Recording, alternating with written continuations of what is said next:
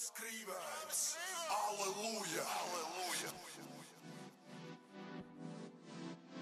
John Scriba. Aleluya. Aleluya.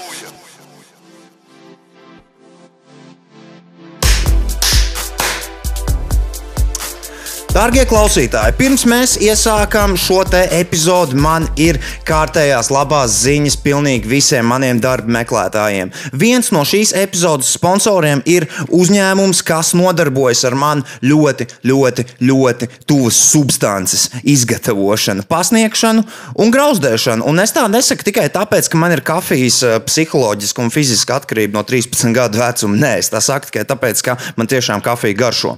Un eh, šīs epizodes sponsors sponsors, kafijas eksperts, kafijas gurmānu un kafejnīcas tīkls Kafeīna meklē jaunus darbiniekus un nākamos baristas, kuriem nodot zināšanas, prasmes un spējas manipulēt ar kafiju tā, ka Jorge no Kolumbijas pupiņu laukiem padevīgi novelk cepuri. Uh, vispār Latvijā trūkst šobrīd baristu. Man, nedaudz, man, man, man personīgi nedaudz pietrūkst tie laiki, kad visi gribēja kļūt par baristām, dīdžejiem un fotogrāfiem, jo tagad visi grib kļūt tikai par influenceriem un youtuberiem.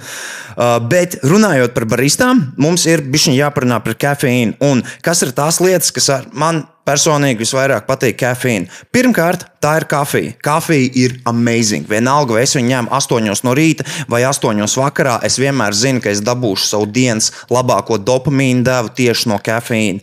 Um, vai tas ir espreso, vai tā ir late, vai tas ir amerikāno, kakao vai kāds no mēneša piedāvājumiem. Pilnīgi viss ir izcili. Un, ja es jūtos īpaši buržuisks, tad es ieķeru kaut kādu krosānu ar lasa vai kafijai un fleksēju tālāk pa tērbu cielu. Tas tas, kā es to daru. Otrakārt, kafīna ir 9 19 filiāls Rīgā. 19. Lai kur es centrā spērtu soli, tā ir uz pilnīgi katru stūri. Tas ir kā mobilais pārklājums. Tas būs 5G visur. Un uh, trešā lieta Katra kafejnīca ir ļoti mājīga, ļoti silta šajā ziemīgajā laikā, un es bieži izmantoju to kā tikšanās vietu ar draugiem, paziņām, vai arī, ja kādam no manis kaut ko vajag, vai kaut kur pasēdēt, mēs ejam uz kafejnīcu. Un tā ir ceturtā lieta, kas man nepatīk kafejnīnā. Visur ir gandrīz tikai viens darbinieks. Uh, kas tas ir? Kāpēc tā ir? Es dažreiz ieskrienu pēc kaut kā, un man ir jāstāv trīs cilvēki garā rindā, kur viņi normāli kā cilvēki gaida savas kafijas. Tas viens barista cīnās ar kaut kādiem vēl pieciem cilvēkiem. Uh, viņš taisa dzērienus, un es tur vienkārši stāvu, lai nopirktu hīts paciņu. tā kā man besī, viņiem vajag palīdzību. Uh, kafīnu vajag darbiniekus. Lūdzu, esiet baristas, lūdzu, atgriežam šo baristu trendu atpakaļ modē. Ļaujiet man jums izskaidrot tikai dažus no bonusiem, kas jūs sagaidat, ja jūs strādāsiet kafīnu. Sociālās garantijas, jums būs pensija, jums būs iespēja paņemt slimības lapu uh, un citas privilēģijas, kas pārsteidzošā kārtā nav nemaz tik lielai daļai cilvēku, jo tā sēž ēnu ekonomikā. Tā sēž ēnu ekonomikas zonā. Uh, ikmēneša bonus pieaugs. Jums liekas, ka viņi tāpat viens svaipotās savas darbinieku kartiņas, kad viņi jums taisa kafijas. Nē, Tev ir ikmēneša bonusi. Tev būs atlai, darbinieku atlaižu karte. Jūs varēsiet dabūt uh, visu dienas dopamīnu, ko vien vēlaties, tieši pataisno savā darba vietā. Tavas apmācības laikā, kamēr tevi gatavos kļūt par baristu, tev arī maksās algu. Tas nav tā, ka tu vienkārši pa tukšo mācies, un tad varbūt tiec, varbūt netiec. Nē, tev arī maksās algu par to laika periodu, kur tu mācies kļūt par baristu. Ļoti vienkārši. Un tu mācies pie vislabākajiem baristām visā Latvijā. Tev būs elastīgs darba grafiks, ko tu varēsi ērti apvienot ar savu privāto un sociālo dzīvi. Jo labs darbinieks ir tāds darbinieks, kuram ir pilnīgi viss balansā, un balanss, manuprāt, ir visu panākumu atslēga. Un runājot par panākumiem, tev uzņēmumā ir izaugsmas iespējas. Un iespējas ir arī nedaudz paceļot uh, pārzemēm, pieredzes apmaiņā, ko, protams, visu apmaksās uzņēmums. Un samaksa par darbu kafeīna ir stundās. Jo vairāk strādāsi, jo vairāk nopelnīsi un tu vairāk uzzināsi darba pārunās. Šīs ir tikai dažas no privilēģijām, kas tevi sagaida strādājot kafīnu. Man ļoti patīk šī kafejnīcas tīkla ķēde. Man var diezgan bieži kādā no viņām redzēt.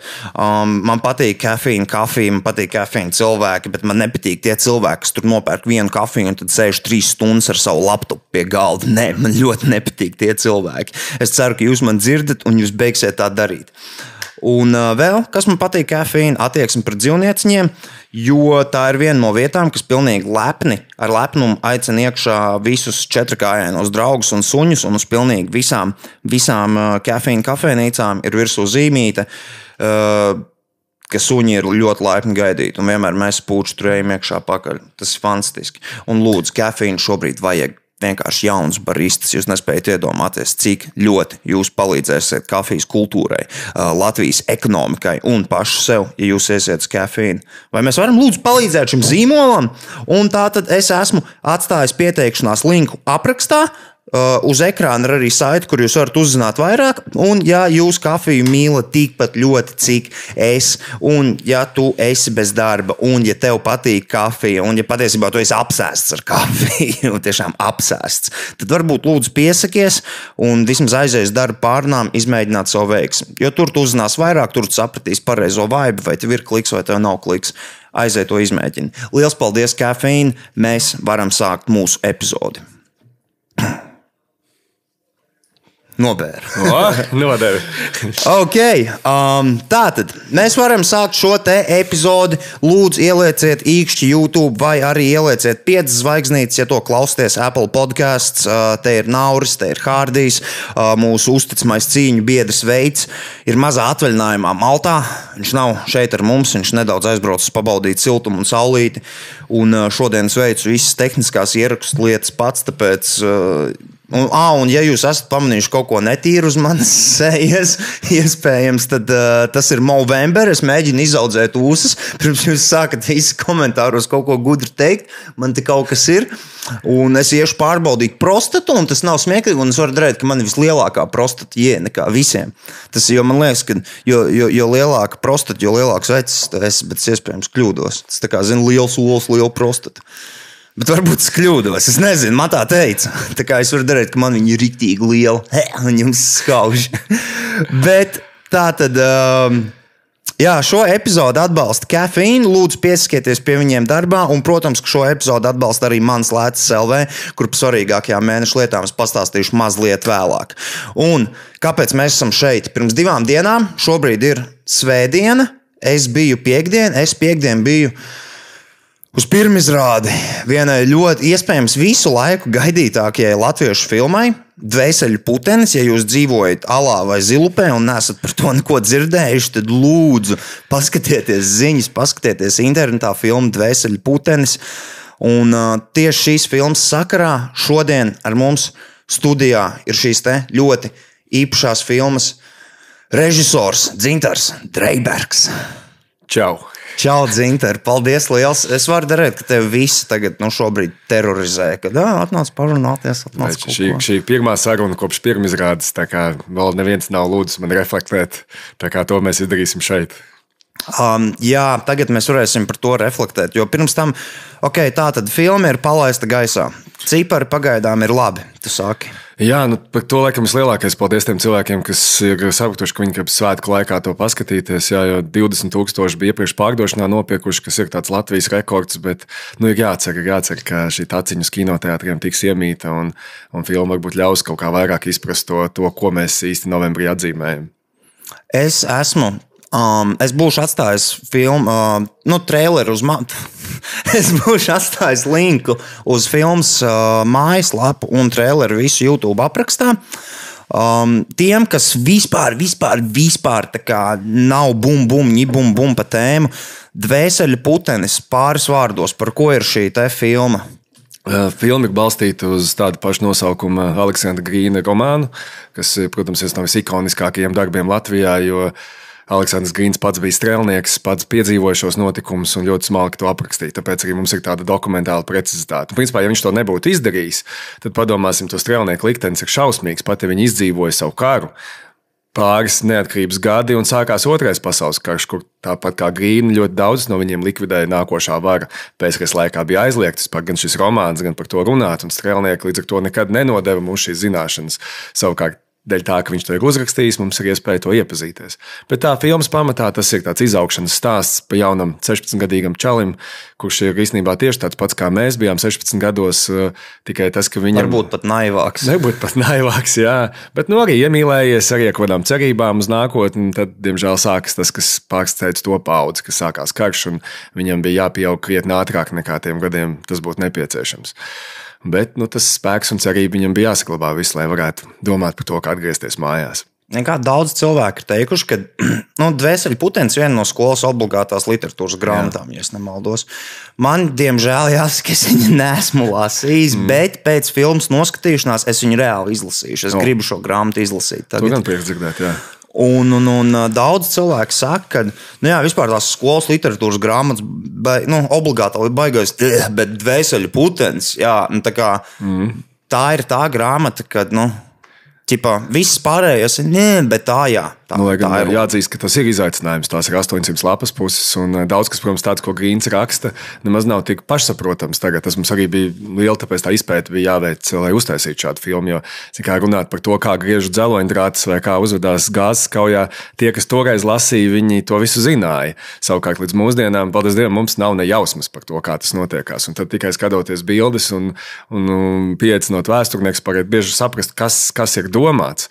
Jo nu, tas, pieņemsim, tā dzeloņdrāžu griešanas epizode. Es pirms, pirms tam nezināju, ka viņiem kaut kāda Spoiler alert! Jā, Spo mums vajag ik pa laikam atcerēties, ka tu gatavojies kaut ko pateikt, pasaki spoiler alert Ok, sākumā, tagad- un tad cilvēki, mēs, es pateikšu spoiler alert over, un tad Jā. ķipa, kaut ko Nu, izdomāsim. šī tas, man liekas, nevienam neko nesabojās. Tas, nu, ka viņiem bija piemēram tādi balti vairodziņi, kas bija tāds. Es pirms tam nekad nenojautu, ka tādas tā kā maskēšanai, drošībai tādu lietu ņēma līdzi, bet tieši tās mazās detaļas viņas var izveidot to, vai tu vari noticēt, ka tas ir īsts vai arī nē. Nu, jā. Jā, I mean, tā kā es to filmu noskatījos, es gāju uz turieni. Ar, uh, pirmkārt, bija šī par pašu pirmizrādi. Tā Ok, tad ok. viņa bija wow! Mēs, mēs aizgājām piekdienu, un pirmkārt tā sagaidīšana tur lejā spēlēja mūziku.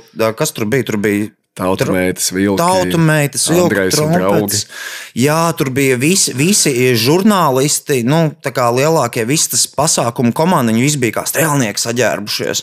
Un tur tās un medmāsas. Old school medmāsas, pir- tā pirmā pasaules kara laika dalīja konfektes visiem iekšā, un tu ej cauri, un tev, un tev dod tās puķītes, un tev dod balzām, un tāds, what the fuck, kur es esmu nokļuvis, tas ir amazing. Nu, Kurš tas- rīkoja jums to prezentācijas pasākumu? Zin Kā, jā, nu, Sandis ir tāds puisis, bez kā mēs neko nebūtu šādi pacēluši augšā. Bet, uh, nu, tas galvenais notikums ir um, Sandis Miltovičs. Viņš pazīstams kā raidījuma vadītājs, bet īstenībā viņš ir izcils pasākumu veidotājs. Un, bet tas stāsts jau sākās ar vienu, ka pirmoreiz, kad Forums cinemās atļāvās noriskēt ar šo filmu, ka visās zālēs rāda vienu. Tas bija tāds nebijis gadījums Latvijai. Un otrs, man pirmizrāda kā tāda neinteresē, kā brīdis, kur man aiziet un kaut ko nosvinēt. Jo principā tajā brīdī tikai sākās. Tajā brīdī būs mm -hmm. jautājums, vai cilvēks skatīsies vai nē. Un tā kā mums bija tie 2-3 tūkstoši brīvprātīgi, Pasaka, lūdzu, kaut ko dzinteru. es sveiks. Jā, Fū, paldies Jā. Dievam. So, es atvainojos, mums bija mazs pārāvums. Mēs, nu, tehniskās lietas, es neesmu tik pārāk labs uz šitajām. Dzintaru lūdzu par prezentācijas pasākumu. Par pirmizrādi. Pirmizrādi, atvainojiet, prezentēt. Es zinu, kā esmu no tās mūzikas vidas, un viss ir tas prezentācija, prezentācija, bet pirmizrādi. Nē, tas man bija pats galvenais, lai mēs varam uh, uztaisīt tiešām svētkus tajā pirmsgrādē. Un tie svētki ir uh, pirmkārt domāti tiem daudzajiem tūkstošiem, kas mums brīvprātīgi palīdzēja.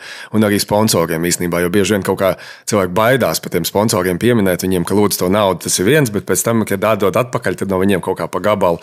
Tāpēc man arī bija, bija svarīgi pateikt paldies tur LMT depo, tāpēc ka viss bez viņiem es nebūtu to izdarījis. Un tas pats, protams, ar tiem brīvprātīgajiem, jo viņi, nu, viņi bez maksas to dara, nu, mēs zinām.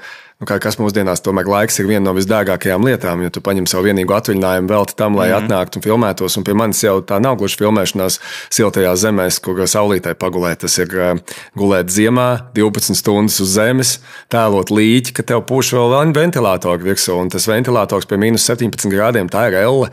Tas ir šausmīgi augsts brīdis, kad tev tāda pūš virsū. Plus vēl skats, ka tas apģērbs jau ir um, vispār absolūti nepiemērots, jo tā laika apavi, tā, tās ir šausmas. Tas viņi tiešām netur nekādu siltumu. Bet tas iedeva to labāko lietu no tā visa, ka nu, jo smagāki bija apstākļi, jo vairāk varēja kaut nedaudz pietuvoties tai sajūtai, lai saprastu, kas, kas īstenībā tiem puikām bija toreiz. Jāizcieš, jo, nu, teiksim, ļoti labi pateicis Daudziņš, ka visdrīzāk mēs tāpatās nenojaušam, cik tas bija smagi. Tas ir mazs fragments, tāpat, jebkurā Jā, jā. gadījumā, ko tu esi parādījis filmā, tas ir tāpat. Mazs, mazs fragments mm. no tā visa. ne? Tur, tur cik dienas cilvēki pavadīja tomēr. Okay, so, ja es pareizi saprotu, jūs filmu taisījāt sešus gadus. Jā, gan arī seši gadi būs. Jā. Nu, jā. Nē, nu, ir tā, ka priekš šāda lieluma filmas tas pat īstenībā nav ilgi. Vienkārši Latvijā nav īsti pierasts, ka, ka, ka par to tik ilgi runā. Jo parasti, ja filma iznāk, tad tu sāc par to domāt. Bet tā kā mums bija nu, tāda filma, kas tik sen jau ir nobriedusi, ka viņa ir Latvijai vajadzīga, tad viņus katru soļu arī tika runāts. Tāpēc ir tā sajūta par to garumu. Bet seši gadi tas ir normāli, jo padomā kaut vai atrast galveno aktieri. Nu, tas ir tur 1300 puikas, kurus mēs pārbaudām, bet tu jau nevari tā ātri pieņemt Cik džekus jūs pārbaudījāt? 1300. Uz galveno lomu. Uz galveno, jā, lai atrastu otiņu. 1300. Jā, jā, jā. Un, un jūs gribējāt tā, lai tas čalis arī noveco real time. Jā, tas, tas arī tas, kāpēc mēs tā filmējam. Salīdzinoši ilgu periodu mums bija tādi desmit dienas pa, pafilmējam, nu tad gaidām nākamo gada laiku, lai, nu, lai varētu redzēt, arī, ka viņš dabiski. Jo tie vecums 15, 16, protams, ir tas, ka cilvēks arī fiziski mainās ļoti. Un tad viņš kačājās, piemēram, lai viņš būtu, zin kā, viens ir sākumā, ja viņš tur būtu jebkāds, bet ja viņš ir karā bijis cik ilgi, nu skaidrs, ka viņam ir jāpieliekās muskuļu masā, un tad viņš speciāli gāja uz treniņu zāli divus mēnešus tur svīda, lai varētu beigās jau Ēdu sešas reizes. dienā. proteīnu kokteļus, jā, darīja visu, ko vajag. Jā, jā. Tas bija īstenībā forši, jo tā parasti ir pieredze skatīties kaut kā Holivudā tās aktieru transformācijas Jā. lomām, vai ne? Un tad būtu baigi interesanti pavērot līdzi, teiksim, kā galvenais Urons Otto Brantevits, mm. lomas atvedotais, fantastiski talantīgs jauns Jā. aktieris. Nu, Krūts čalis. Jā. Nu, Visforšākais jau, ka viņš pats sev par kādu aktieru neuzskata. Mēs viņu satikām 15 gadu, viņam bija, viņš teica, nē, es gribu būt robežsargs. Nu, tā 15 gados izdomāt par robežsargu, tas jau nozīmē, jā, puikam ir dziļums. Un, un, jā, un tagad viņš pārdomāja, tagad viņš būs vēsturnieks. Ā, tomēr. jā, jā, bet viņš negrib uz, uz kino, jo nu, tas, tas nozīmē, ka arī teātrī jāstrādā, un to viņš galīgi negrib. Jā, bet liekas, ka Latvijā ir tā, ka visi grib kaut kādi iespējams jaunie aktieri, visi ļoti raujas uz to filmēšanos, bet tajā brīdī, kad iekiko teātris, ah, nē, I'm out. Nu, ļoti smaga profesija ir teātrī aktieriem. Nu, tas ir. Nereāli. Es nevaru pat saprast, kā tas ir iespējams. Tur 50 reizes atkārtot vienu to pašu, tur no vakara uz vakaru un visu laiku ar tām emocijām. Un tev diedā ir vairākas izrādes. Jā, nezinu, tas tur ir jā, jās, jāspēj, pār, jāspēj pārslēgties. Mm. Um, kāds bija filmas budžets? Mums ir tā, ka kopējais, eh, mēs reiķinām tā, ka vajadzētu būt nedaudz virs diviem miljoniem. Tāpēc, kāpēc es nevaru pateikt precīzi? Tāpēc, ka milzīgu daļu veido šie bakteri, brīvprātīgu atbalstu. Tur redzēt, tur beigās logo, kas bija Jā, jā, jā. Nu, kaudze. Logo kapsēta. Logo.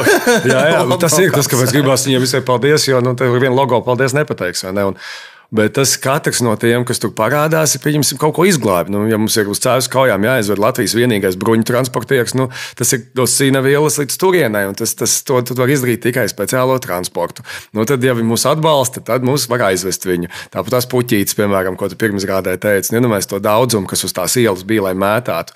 Nu, tu reāli vienreiz aizmet un puķīte ir samīta, vai ne? Tev vajag tur tūkstošiem to ziedu. Un tad, protams, atkal, ja ir atbalstītājs, kas iedod tās puķis, tad mēs jau varam to darīt.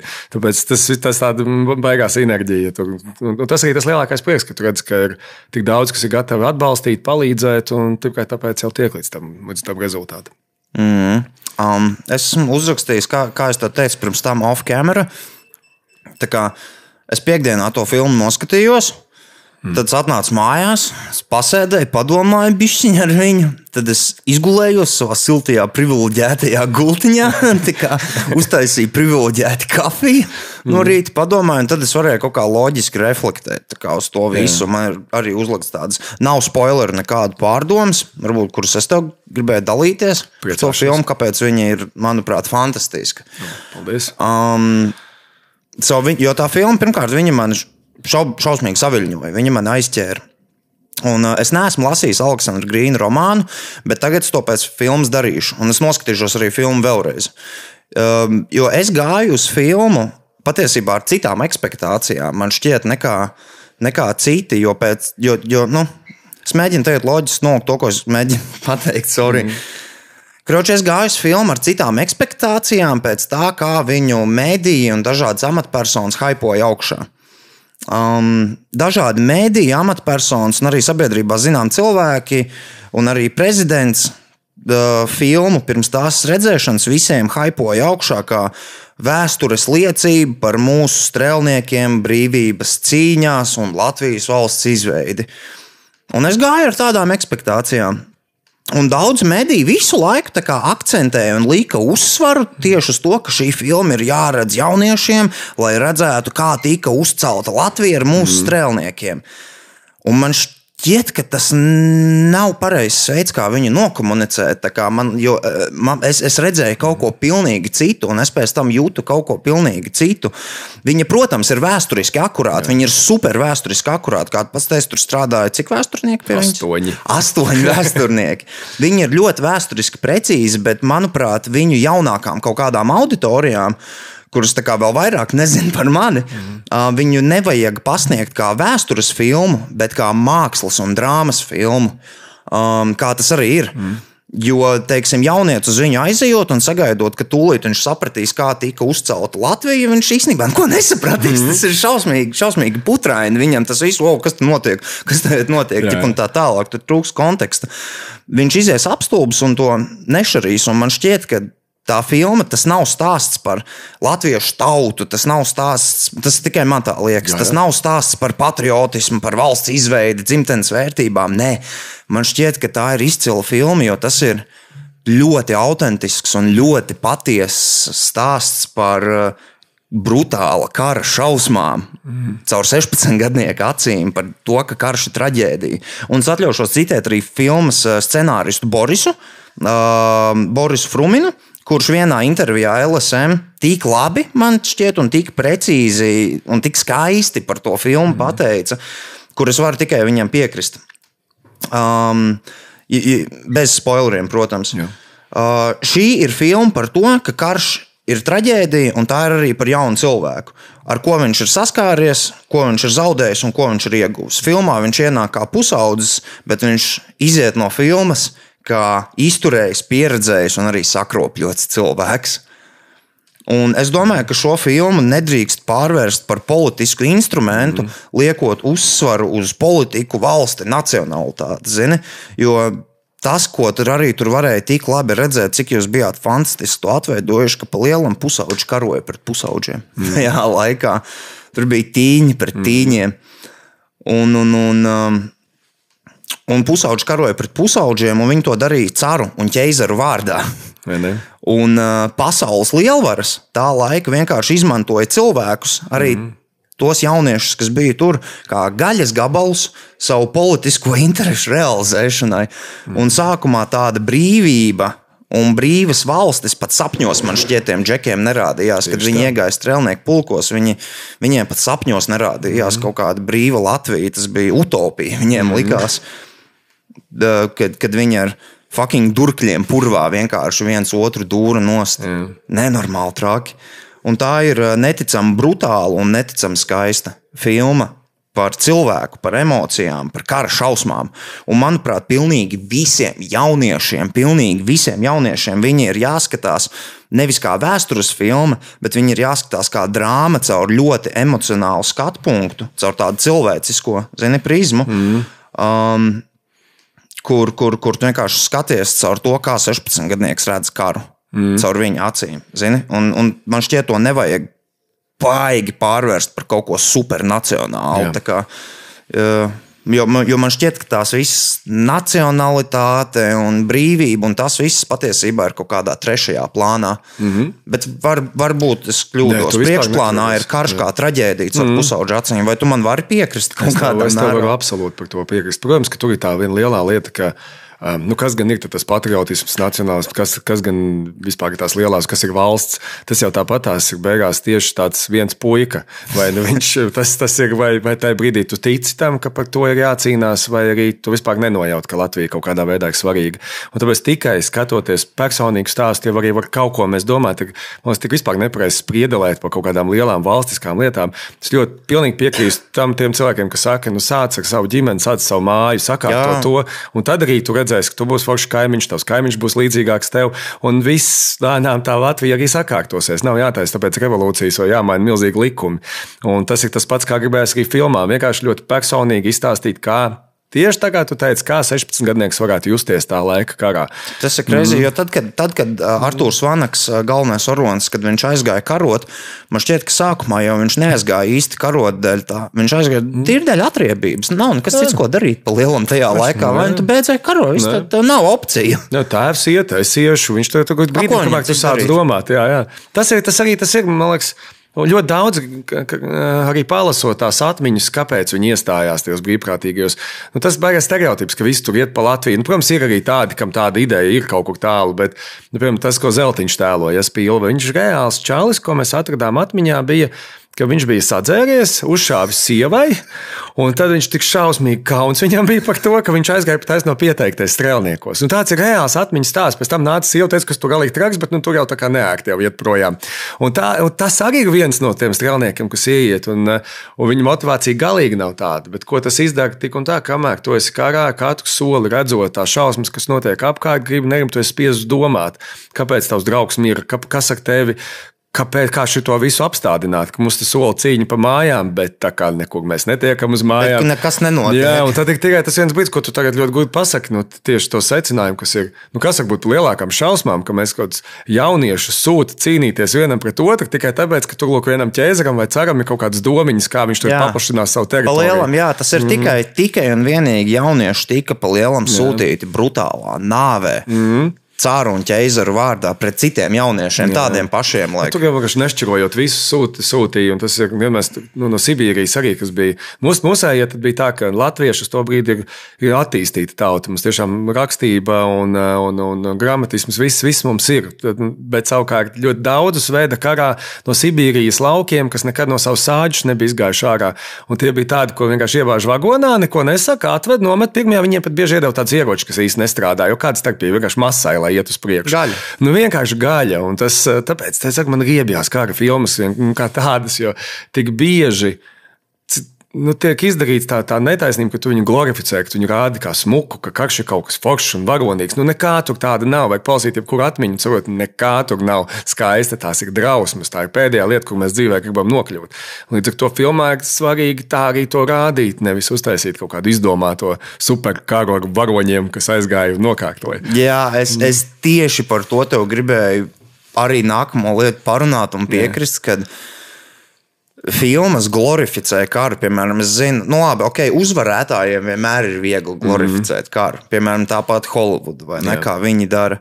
Nu, um, tas, kas manuprāt tieši šo te filmu dvēseli puteni noliek vienā plauktiņā, kvalitātes plauktiņā ar tām pašām Holivudas filmām, ir tas, ka viņa ir emocionāli spēcīga, mm. viņa ir brutāla un viņa ir rezonējoša. Dvēseli putenis. Visas, teiksim, Holivudas kara filmas, ja, kur viņi glorificē karu. Jā. Teiksim, par, o- īpaši par Otro pasaules kāru, kur Amerika bija vairāk involved.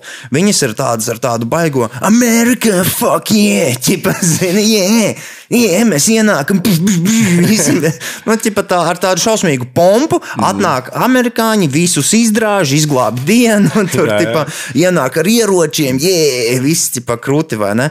Un ka, kā iespējams arī daļēji bija, jo tā ir lielvara, un tas mm. ir caur lielvaras acīm citādi. Nu, tas ir tā, tā ir propagandas mašīna. Vienkārši es jau saprotu, ka kino dara, un to, to, tas vienkārši ir negodīgi. Bet kas ir vislabākā lieta? Man liekas, ka bieži vien kino veidotāji aizmirst. Tāda patiesība, ka skatītājs ir nenormāli gudrs. Mēs esam no agras bērnības mācījušies skatīties kino. Mēs saprotam, vai tā ir taisnība vai nē, vai tev ir interesanti vai nav, vai tev ir emocijas, vai, vai tu sasmējies vai saraudies. Tas ir patiesas emocijas, kas ir galvenais, mm. tas vēr, vērta. Un redz, arī pasaulē runā par Holivudu tāpatās tāds ierēdnieks Rājans, kas ir salīdzinot tas sākums, kas viņam ir. Viņš ir tik labs, ka nevēl tā ir vienīgā kara filma, ko arī viņi saka. Izcili, no nevienīgā, bet viņi uzreiz visu pārējās tās demagoģijas priekšā ļoti izcēlās. Uztaisi godīgi, ir cerība, ka skatītājs arī to novērtēs. Jo, nu, tas, tas, jā, mm. Skatītājs ir gudrs. Viņš ātri atpazīst, kas ir slikti. Uh, bet, piemēram, mums ir tā, mēs Latvija esam nu, maza nācija mm. un vēsturiski. Gan mūsu, gan citu mazo nāciju liktenis pa lielam ir vienmēr bijis atkarīgs no tā, Jā. ko blakus lielvaras darīs. Un dvēseli putenis ir izcila filma, jo viņa parāda to nolemtību un varbūt pat bezcerīgumu un to tumsu, kādā tu tiec ierauc iekšā, ka tu esi vienkārši lielvaru krustugunīs, kā maza mm. nācija. Un, um, jā. un viņa, viņa parāda to, teiksim, nu, kā tie. Kā, kādām šausmām gāja cauri strēlnieki gaļas gabalu misijās, mm. ko mēs iepriekšējā reizē runājām.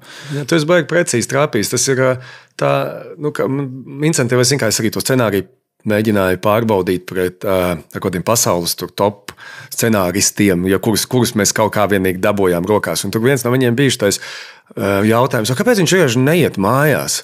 Jo viņi nav pieraduši, ka tavā zemē ir kaujas lauks, jo viņi tad cīnās Viņiem mūsu zemē. kontinents ir Jā, vispār viņi aizbrauc prom, vai ne? Un tas, tas ir tāds, ka viņi saprast, nu, pagaida, kā tas var būt. Ka, nu, jā, tā ka nevar. Tu nekur nevar aiziet prom. Tev uzreiz mobilizēs nākamā vara. Tas nav tāds ārā skruju gaisa, I'm going home. Nu, nevar. Jā, jā, un tas ir tā šausmīgā situācija, ka tu esi kaujas lauks un tavas mājas tur ir, tavi vecāki tur ir. Un tas, tas ir man liekas, tas tāds, kas. Nu, kāpēc tas ir jāzina arī citiem? Jā. Tieši tā, un ja tu skaties tās ASV, tās kara filmas, tad Holivuda vienmēr to karu nopucē kā rīktīgi seksīgi. Kaut ko tur, yeah, rokenrols pašai, mēs yeah. nacistus. pi, pi, pi, zini, tipa. Bet no latviešu skatu punkta par Pirmo pasaules karu. Tu esi vienkārši tas gaļas gabals, kas tiek sūtīts nāves misijā uz nāves salu, kur tā arī sauca. Un tā filma lieliski to parāda. Veseļu putenis. Viņa, viņa, viņa, viņa, parāda to, ko sapratīs tikai tādas mazas nācijas, kas, kas ir krustugunīs, ka karš traģēdija. Un, um, man šķiet, ka latviešiem ar kino iepriekš ir bijis ļoti grūti, jo daudzas filmas mēģina pataisīt mūsu, mūsu ikdienu par to, kas mēs neesam, un tas neizskatās dabīgi. Mm. Bet veseļu putenis viss izskatās tik autentiski. No kadrējuma, no kameras darba, no tā emocionālā pienesuma. Nu, kad tas Arthurs Vanaks, viņš vienkārši sākumā ir tāds naivs puisis, un pēc tam ātri viņam ir, zini, reality checks. Tā moderni teikt, kad īpaši, kad viņš iet pa pūru ar to durkli asiņains. Nu, paldies, Dāsni, vārdi no tevis. Jā, jā. Jā, negribu pakomentēt kaut ko.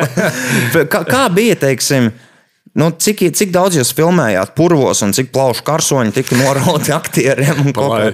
Nu, īstenībā tas ir ļoti fiziski smagi to darīt. Jā. Jo, nu, pieņemsim, nu, tas arī nekāds spoilers, bet tu atceries, ka filmas beigās tāds viens brīdis, ka vācieši skrien pa kalnu. Nu, tā, nu, tu kaut kāds gabals, cik tu tur ir tas kalniņš, viņš tur dažas sekundes parādās, tur un skrien lejā. Bet ko tas fiziski nozīmē? Tas nozīmē, ka tas kalns jau ir tāds, tu tāpatās skrien lejā un skrien pēc tam augšā uz nākamo dubli. Ja tu to izdari 20 reizes, nu, tev kājas ir lopatās. Un tad, protams, pop, nu, tie, kas bija tādi pazīstamākie brīvprātīgie, kas jau bija daudz filmējušies, viņi jau bija gudri. Viņi nomira parasti pirmie. Nu, viņiem nav jāskrien augšā lejā. Renāram Zeltiņam tas arī bija viens no vislielākajiem šokiem. Viņš pirmajā dienā dabūja skriet. Garš džeks viņš Jā, viņš ir liels tipus, un, un viņš vienkārši palika balts, un saprot, cik tas ir pat raku. Nu, tad iedomājieties, kas tam Oto bija jāizdara, un viņš viņ, nu, viņam tas spīts. Nu, kāpēc viens no iemesliem, kāpēc mēs to Oto izvēlējāmies, arī nu, galveno varonu, kas spēlē Artūru Vanagu. Jā, jo viņām varēja just to spītību, ka jā, viņš vēl ir jauns, tāds naivs ar kaut kādām lielām domām, bet skaidrs, ka viņš nepadosies. Un tā arī bija, nu, kā mēs vairākas reizes ņem filmēšanas laikā. Nu, vai tev nav pat raku, varbūt tagad miegs atpūšamies? Nē, varu, varu vēl vienu, varu.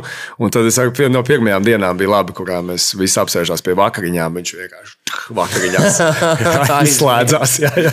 Nu, tāds, Bet jā. tas jau ir arī baigi traki. Tas, tas viss fiziskais, kam viņš gāja cauri, un arī visi pārējie aktieri, kam viņi gāja cauri, kad jūs ziemā filmējāt. O, jā, bet tas ir, tur bija tas uh, lietas arī par tām vietām, par to purvu. Par tām, ka es ļoti centos filmēt vietās, arī, kas ir uh, autentiskās, nu, kuras patiešām bija. Jo tā ir pavisam tāda īpaša sajūta, ka tu it kā te kaut ko spēlējies un ņemies, un tad tev saslēdzās pagaidi. Tas bija tieši tepat, tieši šajā vietā. Jā, tagad ir izauguši simtgadīgi koki, jo nu, tieši simts gadi pagājuši. Bet tu esi pie tā cēsu tilta, uz kur tas leģendārā bilde to vilcienu ir bruņu vilcienu Igaunijā. Un tu saproti, ka tu esi turpat, un tas, protams, iedod tādu pavisam citu prizmu klāt visām tām emocijām. Um, Es gribēju te paprasīt, kā bija strādāt ar aktieriem. Vēl tādā ziņā, jums bija pārsvarā teātris aktieri vai pārsvarā filmu aktieri, vai jums bija ka, ka, kā, no, no kurienes nāca lielākā daļa jūsu aktieru? Redz, Latvijā nu, tam akti, nav, nu, filmas ir ļoti, ļoti maz. Nu, Latvijas kino budžeti ir tik nožēlojami, ka nu, skaidrs, ka nu, nevar aktieri strādāt tikai uz kino. Un, uh, tāpēc viņi pārsvarā visi, varbūt Mārtiņš Vilsons ir tāds vienīgais, kas ir pietiekami populārs arī Ļoti Krievijā. Vilsona tēlojums. Vai prieks dzirdēt, jā. Jo ļoti, ļoti svarīga loma tomēr viņam bija. Un, zin, arī, lai noticētu, ka viņš būt zemnieks, viņš ir milzīgajiem saviem pirkstiem. Nu, Tas reiz zina, ka viņš, ir īsts vecs. Zini, Jā, jā. ir, viņam ir tas mužika vibes. Jā, jā, ka, nu, ka viņš ir pa īstam. Sensis. jā, jā. Nu, viņš varbūt var tā atļauties. Bet tā mums, principā, vai nu aktieri, tāda pieredze, bet ļoti daudz jau bija tādi, kas vispār nekad neko nebija darījuši. Kā Marta, kas Grēta Tušiņa, kā Artūrs. Viņi jau ir no ielas. Mums jau bija interesanti, ka Nu, Ieva Florence un arī Jēkabs Reinis, kas tagad jau ir kļuvuši savā ziņā par stāriem, viņi uz to brīdi nebija vispār zināmi. Tur bija trešā kursa aktieris, bija Jēkabs, nu, tur, trešā kursa students, ja, ka viņš jau par aktieru meistarību mācījās. Un tad kaut kā, kamēr mēs tos daudzus gadus ņemam, viņš tur fonā ir jau izveidojies, ka mums putu vēņos būtu galvenajā lomā. Viņš paspēja uztaisīt sev PR par to filmu. Jā, jā, saprot, laicīgi. ka vajadzēs palīdzēt filmā, jāpaliek populāram. Labs. Jā, jā, tā. Um, vienkārši tas, ko es gribēju pateikt, zin kā latviešu pārsvarā aktieri, visi no teātras sfēras. Mm. Un bieži vien kaut kādās latviešu filmās šausmīgi lec ārā, ka tu uzreiz vari pateikt, ka blink, tas aktieris viņš tēlo kā teātrī. Mm. Jo tas ir baigi daudzās filmās um, iepriekš bijis. Um, nu, kad pēc, pēc žestikulācijām, intonācijām, pēc visa, kad kadrā tā, tā aktieru spēle ir tik uzspēlēta, mm. kas būtu labi teātrim, jo teātrī tā vajag, bet kamerā tas vienkārši neizskatās Jā. pareizi. Nu, mm. Tas neizskatās pareizi, un tas ir tas, kas notiek, kad tu teātris aktierus iemet priekšā kamerai un otrādi. Mm. Bet šeit, Vēseļa putenī, viss izskatījās tā, ka super, super, super ticami un leģit. Mm. Nodošu aktieriem. Jā, tur nebija kaut kas. Tur nelec ārā nekas tāds īpašs, ka, zini, tas. Oh, nu. Bet tas ir arī tādu daudzu lietu kopums, jo, nu, protams, aktieriem ja viņiem rēti sanāk filmēties, viņiem, protams, ir jāpiemērojas tam visam, arī saprast. Bet tas ir kaut kas, ko, ko operators palīdz. Ļoti svarīgi, kas scenārijā uzrakstīts, jo bieži vien nu, tu uzraksti teikumu. Kas tev palīdz scenāristiski, bet skaidrs, ka cilvēki tā nerunā.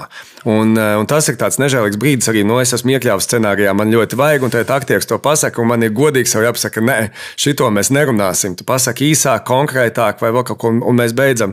Visu laiku ir jāmēģina tas uzķert, jo pašam jau galvā daudz kas izklausās labi. bet tad, kad mēs zinām, ka mēs klausies, es šovakar došos mājās un mēģināšu atpūsties pēc šīs trakās pirmizrādes.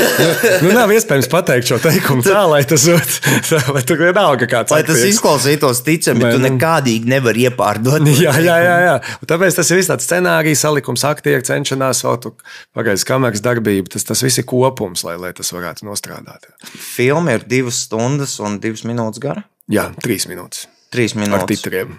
Un cik kopā jums ir stundas ar materiālu? Zini, nav daudz, starp citu, tādas epizodes, ko mēs esam izmetuši ārā, ir salīdzinoši ļoti maz. Man vajadzēja to drausmīgo zvanu tikai vienam aktierim zvanīt un teikt, ka piedod. Būs bet, jāpārfilmē? Bet, tu, diemžēl, nē, es filmā mēs tev esam izgriezuši Ā, ārā. Nu, tas jā. ir viss, nu, pie? Dainas Gaidels. Galvenais, ka viņš bija tik labs savā epizodē, bet, ah, tad- Kas bija tajā epizodē? Tā bija tāda, pie sākuma epizodēm bija tāda balles scēna, kurā autori mirdzu dejo, tur uh, fonā tur mēģina viņš ar drausmīgu krievu akcentu pateikt, ka, nu, naš paievilšā tur kaut kas, nu, tur piesaka kar karavīru, kas atnāca pateikt kādā ballē dažus vārdus viņiem, skolniekiem. Nu, smieklīgi, laba epizode, bet pat daudz vienkārši tas ievads bija jā. pa garu vai jāmet ārā. Nu, tas ir šausmīgs zvans, un galvenais, ka viņš tika izmests arī no 1906 filmas līdzīgā veidā. Tā kā, nu, viņ- viņam neiet, bet Daina piedod. Tu tiešām bija ļoti labs. Jo, protams, vairāk aktieri, kuriem atkal ir. ā, Kuriem es jau zvanīju un teicu, Laurim Zelzītam, zvanu, klausies, man ir ideāla loma, redzēs tikai kājas. Viņš teica, nu super, mēs darām. Tāda mums bija tā doma par tādu traileru, ka mēs varētu taisīt tur Laura Dzelzīša kājas, Intera Rešetina siluets, Ivars Krasts uz bildes un Oskars Morozovs kā balss. Fantastiski. Jā, jā Krastam arī tas bija, ka es teicu, nu tev ir, kā tu vienā kadrā pateiksi visu. Tu varbūt gribi to kadru atsūtīt mums pēdējai pilītē, un mēs viņu varētu iemontēt podkāstu beigās, kā atvainošanos. Nē, bet nopietni, varbūt atsūt viņu beigās. daļu gaidaļu tu domā? Jā, jā, jā. Okay. Gaidaļu. Es, Mēs- es tev nesolu varbūt- kas tik ātri, jo tas no montāžas dabūt laukā nav tik vienkārši. Zin, tas ir taisīts uz tām kamerām. Kur Nu, tu skaties pēc iespējām. 100 terabaita kopējais daudzums ir. ā, Skatītāji, ja jūs viņu šeit redzat, tad viņi ir. Jūs viņu neredzat, nav sanācis. Bet gan jau redzēsiet, tas pies, mēs, mēs ar bombardējiet zināt, vienkārši visos sociālos tīklos, lai viņš izdod direktors kādu vēl klāt. O, jā. Jo es tā kā īstenībā mierīgi filmu, divas stundas, es varētu mierīgi, man liekas, vēl pusstundu viņā iesēdēt klāt. Oi, prieks dzirdēt, Varbūt jā. pat. Prieks dzirdēt. Šodien bija ļoti laba atsauksme no, eh, no viena bērna, kas bija pateicis, ka viņš sot mā- mājās nākamā dienā pateica, klausies, bet ejam pastīties, kas tur tālāk ar viņiem notikās. tas, man liekas, ir tā forši, ka grib, grib redzēt, kas tālāk notika. Jūs domājat, milkot frančīzi, tā kā Šreka? Šreks Grīna, grīna atgriešanās. Jā. Nē, nu, protams, ka tas būtu ļoti interesanti. Vis, visforšākais jau būtu, ja vispār Latvijā būtu tā iespēja veseļu puteni taisīt kā triloģiju, jo viņa grāmata ir jā. trijās daļās. Un, godīgi, sakot, tas 19. gads ir tik sarežģīts Latvijas vēsturē, ka par to būtu interesanti. Un Viņš ir. Nu, kā iedomājieties, ka mums aptuveni 80% latviešu ir komunisti tajā brīdī, kad sākās 19. gads, jo viņi tiešām tic, ka re, kur tur dabūsim zemi. Nu, Leņķins Jo, atdos brīvību. jo, un, un tad paiet pusgads tā saucamā asiņainā terora, kurā vairs praktiski neviens nav. Jo visi saprot, ka šī utopija nestrādās. Un to var turēt tikai kaut kādu varu. Un, un tas tiek tik daudz stāstu sakoncentrēti vienā, vienā, vienā gadā, ka par viņiem visiem būtu vērts stāstīt ilgāk, protams. Ei, Jūs negribat iekāpt vienā Holivudā un uztaisīt, vai tā ir otrais pasaules karš. Un Arthūram Vanagam ir jāizvēlās, vai viņš būs sarkanā armijā Jā. vai leģionāru. Nu, jā, bet eh, tā skatās, ka leģionārs stāsts ir tāds, kas būtu ļoti interesants. Man pašam būtu interesanti izpētīt, jo tas atkal ir kaut kas, kas pasaulē ir pilnīgi neskaidrs. Nu, kā, kas tas tāds ir? Kā tu vispār varbūt, un nezinu, Latvijā daudziem nav vispār skaidrs, kas tas ir. Jo nu, atkal tas pats, kas notika šeit. Mēs esam kaujas lauks, tas kurš tev var iesaukt jebkurā armijā. Un skaidrs, tu esi iesaukts zaudētāju armijā, tas nozīmē tikai vienu, ka visu mūžu tu būsi, būsi kaut kāds ne tas Būs, cilvēks. jā. Jā. Jo vēsture raksta uzvarētāji vienmēr. Protams, jā. vienmēr vēsture raksta mm. uzvarētāji lielvaras. Un tas, tas, ko mēs iepriekš runājām, mūsu mazai, mazo nāciju liktenis ir. Nu, Viņš Ļoti ir tik nežēlīgs un galvenais arī par tiem sākajiem strēlniekiem. Arī iedomājieties, ka izcīnām to neatkarību, un viņiem daudziem aizliedz iebraukt Latvijā vēl visus tos gadus. Piemēram, Jukums Vācietis, mums tur nu, viens no Latvijas vēstures tādiem spilgtākiem tēliem, mēs viņš kļuva par visu Krievijas armijas galveno ģenerāli. Viņš bija viss, viss. Un tādam cilvēkam, nu, viņš, ko viņš pierāda savu darbību, viņš savu ģimeni, bērnus, visus ir atsūtījis Latvijā, jo viņš grib dzīvot Latvijā, bet viņi tā arī neielaida visā šajā ulmaņa laikā, nu, nu protams, neatkarīgās Latvijas valsts. Ulmaņa laika. Jā. Nu, jā, un tad, bet tā, jā, ka interesanti, un šo stāstu tagad, zin, kā mēs tur lasām un zinām, un tad pēkšņi Lorija Ritmans mūzika un Mārcis Irmais diriģēja koru Latviju. Un tur divi čaļi tādi. Baigi līdzīgi Jukuma vācietim. Un izrādās, jā, mazmaz dēli. Iedomājieties, wow. tie, kas Wow. tur bija, tie mums ir Wow. iedzīvojuši. jā. Wow. Starp citu, komplimentu Reinim Sējānam, skaņas filmas, skaņas celiņš. Ah, tas, ne, tas ir Lorija Ritmanis. Ā, tā ir Loli- Jā, Lorija Ritmanis. Bet Reinis Sējāns miksēja. Reinis tā masterē, Sējāns vai ko ir viņš darīja? paralēlā lieta, ka mēs palaidām raidījumu, jo redzi, Tik daudz foršu lietu saprotu tajā filmā, laikam, visu nevar iekļaut. Un viena no tām bija strēlnieku dziesmas. Un uh, skats, ka viņiem viņas bija daudz, un viņas dziedāja, tu tur pa brīdi fonā Jā, jā, jā, iesvilpjās kāds. Bet, nu, kas ir ar tām strēlnieku dziesmām? Mēs viņas pat īsti nespēlējam svētku laikā, jo viņas nav saglabājušās tā, kā viņas bija viņiem. Viņiem jau tās bija ak aktuālas, mūsdienīgas dziesmas. Nu, ja? Visu cieņu vilkiem, bez viņiem vispār viņas būtu pazudušas, bet vajag uztaisīt jaunas versijas, lai viņas varētu dziedāt mūsdienās, vai vismaz klausīties. Un tad mēs palūdzām Reinim Sējānam, tā bija Mārta Mihelsona, prāt, vērtīgs ideja, ka to vajag. Ka mēs viņam palūdzām, lai uh, uzrunā Latvijas grupas populārākās, un lai viņi pārdzied tās dziesmas. Un tad viņš uztaisīja tās oranžīs. Nu, tas puika ir ģēnijs. Viņš tāds, nu jā, tad tur karnevāļi, busulis, tautumētas, visi plindas līdzi. Visi ielec. Visi ielēc, visi piekrita to darīt un pārdziedājuši tās dziesmas. Tā kā cerams, ka tagad viņas sāks skanēt ar vien vairāk. Jā, jā. Labs. Mm. labs, labs, labs. Jā, jā, bet Reinis arī viņš arī pierādīja visu ar darbu. Nu, tā es viņam atstāju čūpiņa grāmatām, zinu, kā, kur paskatīties, kas tas ir nāves sala. Un, zinu, kā liekas, nu, tu jau atstāji, bet diez vai jau čāls pētīs. Bet, nu, kā tad es viņam, kad mēģināju no viņa paņemt viņas, tad bija pilnīgi skaidrs, ka viņš viņām urbjās cauri, lai tiešām ietekmētos no tā. Un, nu, tas jau liecina, ka bez darba īsti neko neizdarīs. A, tev nav tagad tā acis uz vēstures filmām izveidojusies. Negribētu uztaisīt filmu, ko, komēdiju par Kārlu Ulmanu, zini, portretu viņa kā The Dictator, to Saša Baronu, jā, ko jā. ridiculous Mūziklā vēl ir. Mūziklā Kārlu Ulmanu, kur viņš ar zēniem kopā tā, nu, jo Kārls Ulmans bija gejs, kā mēs zinām ļoti Okay, labi. nezinu, jā.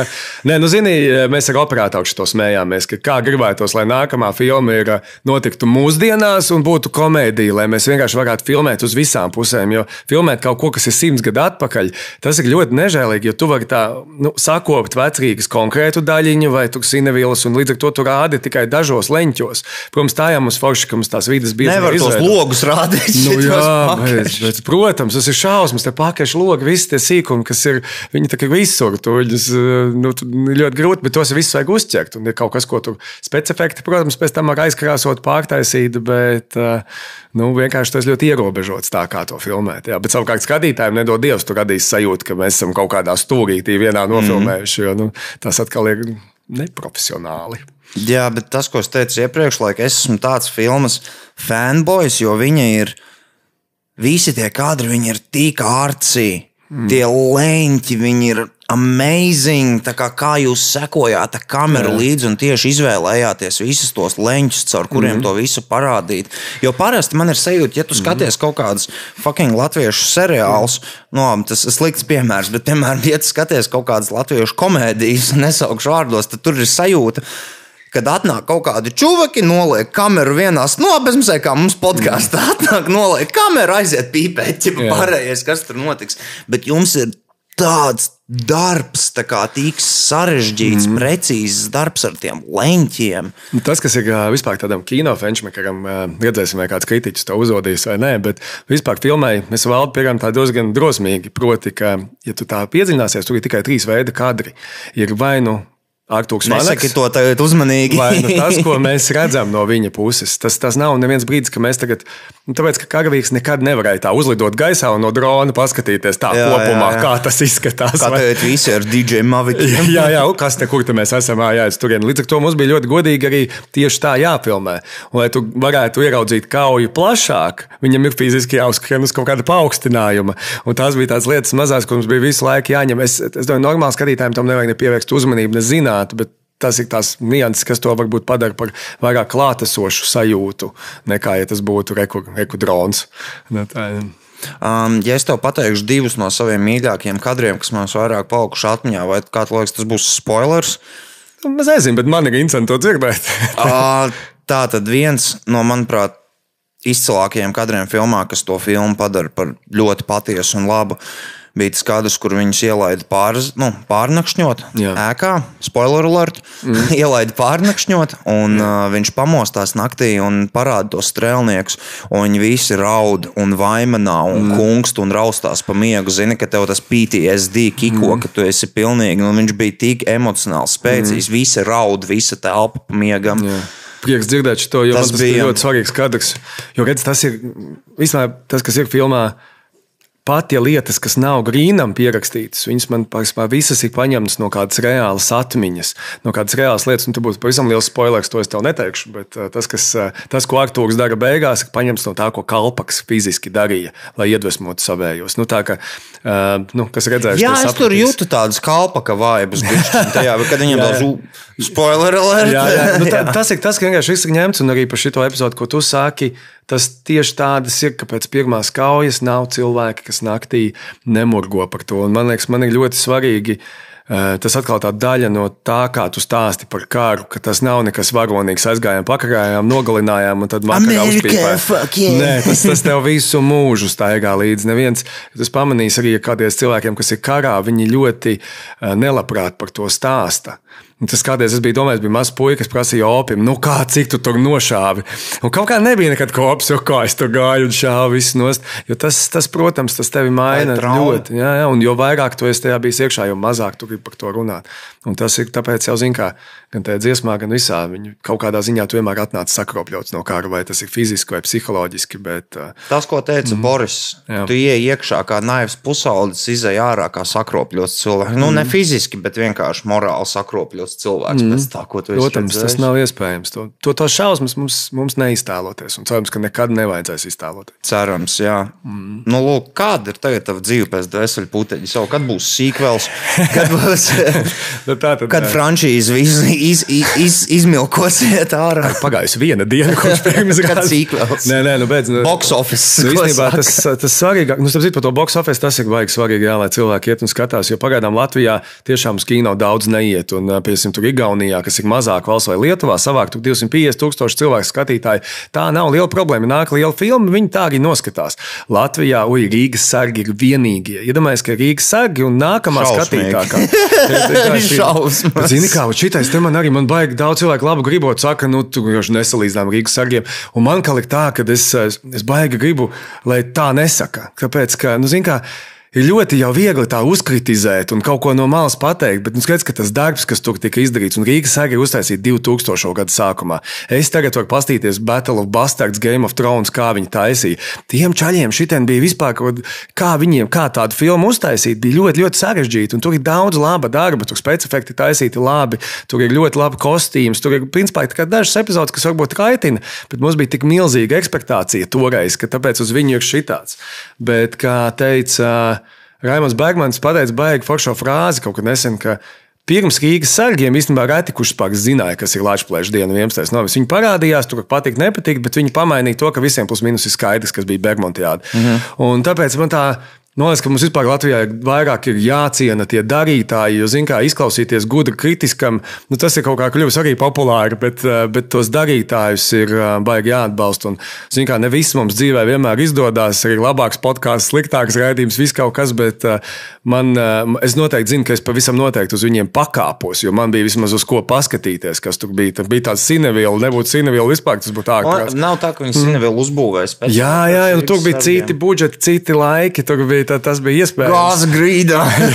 Tas ir, jā, jā, jā. Bet arī, nu, tāpēc, ka, nu, piedod, kā kā tur teiktu dažreiz par Andreju un, un, un, un, un Graubu, ka um, tāpēc man vienkārši nepatīk, jo, ka, ka to saka, jo, jo tie čaļi taču psihopāti, iedomājies, ka viņi taču arī, nu, gadiem mauns, lai tādu filmu uztaisītu. Un saka, viņus nostājās 250 tūkstošus, un nākamā skatītāja ir trīsreiz mazāk. Nu, zin, kā, nu, tas, tas ir īstenībā mums pēc box office ir bijusi tikai viena filma, ja mēs tā skatāmies. Un, tāpēc visu cieņu kungiem, ka ļāva pakāpties. Un, bet es atceros, mums specifikāts taisītājs, tas pats, kas bija Rīgas sargos, un viņš mēs aizgājām tur, viņš kaut kāds rāda kadrus, un mēs ar operatoru sēžam, tur tāds, nu, viņš jau rāda, ka baigi labi, redzam, mēs, ka mums drausmīgi. Mēs viņam vecīt, bet, nu, labi, nu, jāpajautā, ir, lai zinātu, lai strādātu. Un, saka, nu, bet, nu, nu, tā mašīna, tu taču pats redzi. Nu, Viņš saka, visi man par to mašīnu. Mašīna ir īstā, viņa brauc tā ir īstā mašīna. Es esmu uztaisījis tos zaldātus visus daudzos.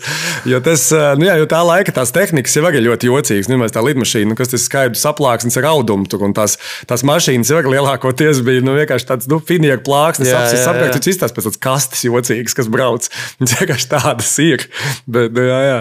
Tā kā tāds, tāds kolēģiem turās. Paldies, ka izdarījāt. uh, ielikāt pamatus. Varbūt, ja? Man liekas, ka Rīgas sargus vienkārši tā kritizēja, jo viņi likās tādi nu, banāli. Baigi varbūt gaidījām, brīžiem. arī baigi gaidījām. Jo, zinām, latviešu filmas jau arī vajag tur izpreparēt kārtīgi ārā. Un Holivudā iznāk. Ir nu, jā. kritiskāki cilvēki, bet latviešu jā, filmām jā. ir kritiskāki. Man šķiet, daudz, daudz kritiskāk, expectācijas ir daudz Ir arī augstākas. kaut kā baigi incidenti, un īpaši es pamanīju, ka kādiem kritiķiem, kas raksta žurnālos, ir, nu, tur iznāk swingeri un vai kaut kādas, nezinu, kas tur vēl, un viņi, viņi tiek nu, tā kā iznīcināti. Nevis tā, ja Holivudā iznāk līdzīgs, tad ir, nu, šī tā ir izklaidējoša filma, protams, nekāda dziļuma jūs tur neatradīsiet, bet jūs gribat labi pavadīt laiku. Entertainments. Jā, bet lai par to pateiktu, kāds par swingeriem, tas ir neiespējami. Tur uzreiz ir, nē, nu šī nav mākslas. Nu, protams, ka tas, ka tas ir, tur tev aiziet pasmieties. Vajag. Un tas, tas, jā, jā, preparēja labi, preparēja labi, tas, tas ir skaidrs. Bet uh, man, kā, protams, prieks, es ļoti ceru uz kritiku, jo kritika jau ir tā, kam idejiski vajadzētu uh, skatītājiem pavērt jaunus horizontus, lai izstāstītu. Un, piemēram, to, ko es tev saku, ka viņš tur dažādos konkrētos kadros tikai filmēts ļoti specifiski pieejams, ka nav drona vai ne. Tas būtu tas, kas viņiem būtu jāatklāj. Un tāpēc man ir ļoti cerams, ka būs, būs labi raksti, kas pat ja viņiem kaut kas nepatiks, bet kas būs tieši par to, kas ir filmā izdarīts, nevis kā varēja būt, ja es pats būtu to taisījis. Nu, kas, kas atkal, protams, nav nekāda kritika. ne? Man ir varbūt viens komentārs, kas man Jā. būtu prasījies. Nu, No, jā. Tīri tā personiski, vieglāk vienkārši to keep track of everything. Bet tas Jā. ir optional. Tas ir man personīgi. Man būtu prasījies, ka. Filma bija ļoti dinamiska, jo, protams, ka ielikt visu to laika sprīdi divās stundās mm. ir baigais čakars. Jū. Man būtu varbūt vietām prasījies bišķiņa tūpa stūrī konteksts, kurš gads un lokācija. Mm. Viss. Jā, Jo tur, jums- zin kā, tik brīžiem tur tik strauji lēkāja, lēkāja. Jā, jā. Okay, es, es saprotu, ka mm. nu, uz to baigi nevajag iedziļināties, bet varbūt pāris vietās bišķiņu. Mm. Tūpa vienkārši gads lokācija. Jā, mēs uzlicis. mēģinājām, citu, šito. Es par to rīktīgi domājām. Mēs pat uztaisījām vienu versiju, kur viņas bija daudz. Mm. -hmm. Bet tad kaut kā sanāk tā, ka tu visu laiku nu, izslēdzies ārā, atkal izlasi, kas tur ir. Un, saprotam, kā- Novērš uzmanību. Jā, jā, novērš uzmanību. Un otra lieta ir arī, nu, tomēr tas jau ir tas puikas skatu punkts. Un viņam tas ir viens liels garš murgs, kurā viņš, ko viņš Vienkārši saprot, ko murgs. nesaprot. vai Ne? Un tāpēc tur atkal nav tik svarīgi, kas un kāpēc es uztaisīju to dvēseli potenciālu vēju mājaslapu tieši šī iemesla dēļ. Nu, nevar izstāstīt to vēsturi tajā filmā. Tam ir jābūt emocionāls. Tur vajag, lai tev ir emocijas filmā. Savukārt pēc tam droši tur ir laika līnija, var ieiet, izlasīt, kad Vari tas notiek. Vienkārši mierīgi. Tur mēs palūdzām vēsturnieku, lai viņš cik vien populāri zinātniskā valodā vienkārši var uztaisīt. Šo Madaru Botmanu mums sataisīja vienkārši pasakājas, tur visādas drēbītas un lietiņas. Jā. Nu, jā, un tad, nu, kad tur var arī izlasīt, nu, kas tad īsti tā gāzes kauja. Bet man bija svarīgi viņu iekļaut. Jo skaidrs, kad tad būs nākamreiz tāda filma, tad vismaz lai uz miekli tu vari ieraudzīt, kā tajā gāzē izskatās. Tās- gāzes kauja. Wow. Nu, tāds- Tās old school, tās tur maskas, kas Jā. pēc nightmare fuel. zini? Jā. Vienkārši tas, ko tu murgu. Tas, Tās maskas, tas purvis, mm. tā maska, tie karavīri maskā. Man bija sajūta, tas ir tas, ko tu redz, ka tev miega paralīze pie gultas ok. vienkārši zini. tā kā. Mm, bet wow. tādas viņas bija. Tas bija kas gāzes kaujas sākums, un tas ir šausmas vienkārši. Pēc tam jau viņi uh, palika, palika vien labākas tās gāzmaskas. un Tur bija tas, ka nu, viens no gāzmaskas izmantošanas veidiem bija ka tas tehniskais spirts, ko tu nevari dzert, jo nu, tad tu vienkārši aizēji pa pieskaru uzreiz. À, viņi filtrē. Bet viņi tur trīs reizes smieklīgi izlaiž savu gāzmasku, tehnisko. Tad bija rakstīts, paliek melns, drausmīgi garšo no rīta, ir ļoti slikti. Bet var, bet var. Var dzert. Un tādas, piemēram, izlaši tādu strēlnieku uh, atmiņu, un tu zini, jā, ka tev visu laiku dzīvē jāieliek kaut kādi dzīvi momenti, kaut kas, ko pasmaidīt uz miekli, jo nu, viņi dzīvi cilvēki. Tie, ne? Tu šo to tagad zini par vēsturi. Pasaka, kā ir strēlnieki daudz dzēra. Uh, nu, zini, Kādas ir vēstures liecības? Viņi dzēra, lai pārdzīvotu nu, to, ko viņi piedzīvojuši. Viņi nebija Nē, baigi. nu, uz zin, kā, nu, skaidrs, jā, jā, un čaļi grib nosvinēt un iedzert gluži tieši tāpatās kā mēs, ne? Protams. Tikai, nu, skaidrs, ka to bija daudz grūtāk dabūt. Nu, tā, un, un, bet, protams, vairāk ir stāsti, kā ieņem vācu pozīcijas, un viena no pirmajām lietām ir sašaut alus mucu, un tur, tur pat bija stāsts, ka tur krievu daļas no sibīriešiem tā sadzērās, ka tur viņiem vajadzēja, viņi, nu, vajadzēja turpināt uzbrukumu, bet viņi jau bija tādi, ka vajadzēja atkāpties. Nu, tur ir tādas stāsti, tiek, protams. Nu, tāpēc arī tur, zin, kā krituši jau vāciešiem jau bija, mums jau bija maz, mums jau nevarēja. Nu, kas, bet, mums- mums bet paši taisīja, paši raudzēja, protams, darīja. Un kara laikā mierīgi šāva iekšā svinēja. Nu, jā, jā, nu kā, nu, protams, to, un, un kas tas vēl atmiņā, ka nu, tur arī uh, par tām atpūtām, ja karš, tu saproti, ka šī tev ir jāizdzīvo šodien, tu neteiksi šo piekdienu nekur neiešu. Kā tev varbūt nebūs nākamās piekdienas. Jā. Un tā sajūta bija gan čaļiem, gan meitenēm. Līdz ar to tās balles bija pilnīgi trakas, un tas kā, kā kāda notika jautrība tajā laikā. Tā, Vari kaut ko ie, ieskicēt, jo filmā bija, bija mm. atveidota viena daļa. Nu, mm. Bija viena daļa atveidota, bet varbūt vēl kaut kas par tām balītēm, kā strēlnieki tusēja ar meitenēm tajā laikā. Nu, jo viņi jau meičām visām, uh, Nē, nē. drosmīgie karavīri. Nu, uh, protams, nu, pusē viņām arī nu, paspēt, kamēr viņš dzīves vai ne. viņš dzīvs. Bet, jā, nu, tur ir vairāk, jo tas, kas ir trakākais, nu, čaļi tiek aizsūtīti karot. Nu, kurš darīs tos vīriešu darbus? Tur grāvi ir jārok tā vai tā, un tas tā liek meitenes to darīt. Un tad ir tāds visam atmiņas, kurās. Nu, Nāves salā visi bombardējas, pārcel, pārceļās pāri Daugavai, tur jau meitenes roka grāvjus. Nu, tā ir tāda rondiņa vieta, un tā, ka, ja viņiem tur augšā ir signāla raķetes un visādas spridzināšanas pa gabalu, tas izstāsta bija tā kā salūts. Nu, tāda ļoti romantiska vieta. Wow. Wow. Bet tad tie latviešu strēlnieki viņiem palika ļoti tādi bravūrīgi, jo saprata, pēc Ziemassvētku kājām īstenībā visi saprata to savu spēku. Un tas, kas man liekas, kāpēc nevelti mums mēģina visu laiku iestāstīt, ka mēs esam maziņi kaut ko un tad nekā nav. Jo tieši tauta, kas tic sev un kas zina, ka mēs esam stipri, viņi ir neuzvarami. Un tas ir vienīgais, ko vajag kaut kā iedragāt, ja tu gribi, lai tauta ir vāja. Un pēc Ziemassvētku kājām tas bija tieši tas, ko strēlnieki noticēja. Ja mēs esam vienīgie, kas ir pārābuši vācu nocietinājumus, jo neviena nevien krievu, krievu daļa visu karu to nebija izdarījusi. Mūsējais pirmoreiz ieliek pirmajās rindās, viņi to izdara. Principā viņi būtu aizgājuši līdz Jālgavai. Morāli bija šausmīgi Morāli ir augšā, un tu saproti, ka tu vari īstenībā, ka tu fiziski to vari. Tas maksā dārgi, bet tu vari. Ja mēs paši darīsim, tad mēs arī tiksim mājās. Un tad bija kaut kādā jau Krievijā pēc revolūcijas, tur vairāk stāstu, Pēter, ka Pētera Pēterpilī bija, ka, ka kaut kādas balles notiekās, un ienāk latviešu strēlnieki, uziet uz skatuves, apstādina mūziku, pasaka visiem ārā, meitenes paliek, mēs te tagad ballēsim, un viss, protams, pie tā Wow. latviešu, latviešu jā. Tagad man liekas, tā ir ķeka uz pirtīm. Atbrauc čoku uz pirti, vai visi ārā, meitenes paliek, mēs te tusējam. Jā, jā, jā, tā kā šī tāds tāds tāds atlicis. Labs. Vai tajā laikā strēlniekiem bija kaut kādas um, morfijas vai stiprās narkotikas, lai viņi varētu pārdzīvot tās ā, nu, kara traumas? Nu, tas arī tikai pats sākums. Tas sākums Vai nebija, man liekas, otrajā pasaules karā, man šķiet, jau bija narkotikas daudz diezgan. traki tur jo, nē, nē, nu, bija lietojumi daudz, tā kļuva atkarīgi. Jo, nu, tas, Pirmajā pasaules jā, karā. Arī, jā, bet, ā, bet nu, piemēram, tu redzi, nu, tur, tur tādas epizodes bija, bet ā, nu, tas arī tāds kara notikums. Nu, viens nu, nu, ievaino cilvēku smagi, un skaidrs, ka hospitāls jau viņam nav blakus. Tad, ja mēs pa tādiem visšausmīgākajiem ceļiem, sad- sadangātajiem ratiem braukt tur tos stundas uz to hospitālu, nu, tas vienkārši ir murgs. kā Tur kāja un norauta. tev Tur nav nekādas tur zāles, un tas, tas, tas, tas ir vispār pilnīgs, pilnīgs ārprāts, ko mūsdienu pasaulē tā grūti iedomāties. Jā, jā, jā te, kad ir tik daudz anestezijas. Nu, jā. teiksim tā. Bet, nu, jā, jā. Jo, jo es atceros, es lasīju visas vēstures liecības. Piemēram, Otrajā pasaules karā bija tā, ka Otrajā pasaules karā vācieši bija pārsvarā zem amfetamīna un metamfetamīna. Mm. Tā kā pārsvarā, jo es atceros, uh, vācieši, īpaši vāciešu pilotiem, deva metamfetamīnu, mm. lai viņi varētu ilgi lidot, koncentrēti un būt fokusā visu laiku, mm. negulēt, lai viņi nenogurtu. Ne?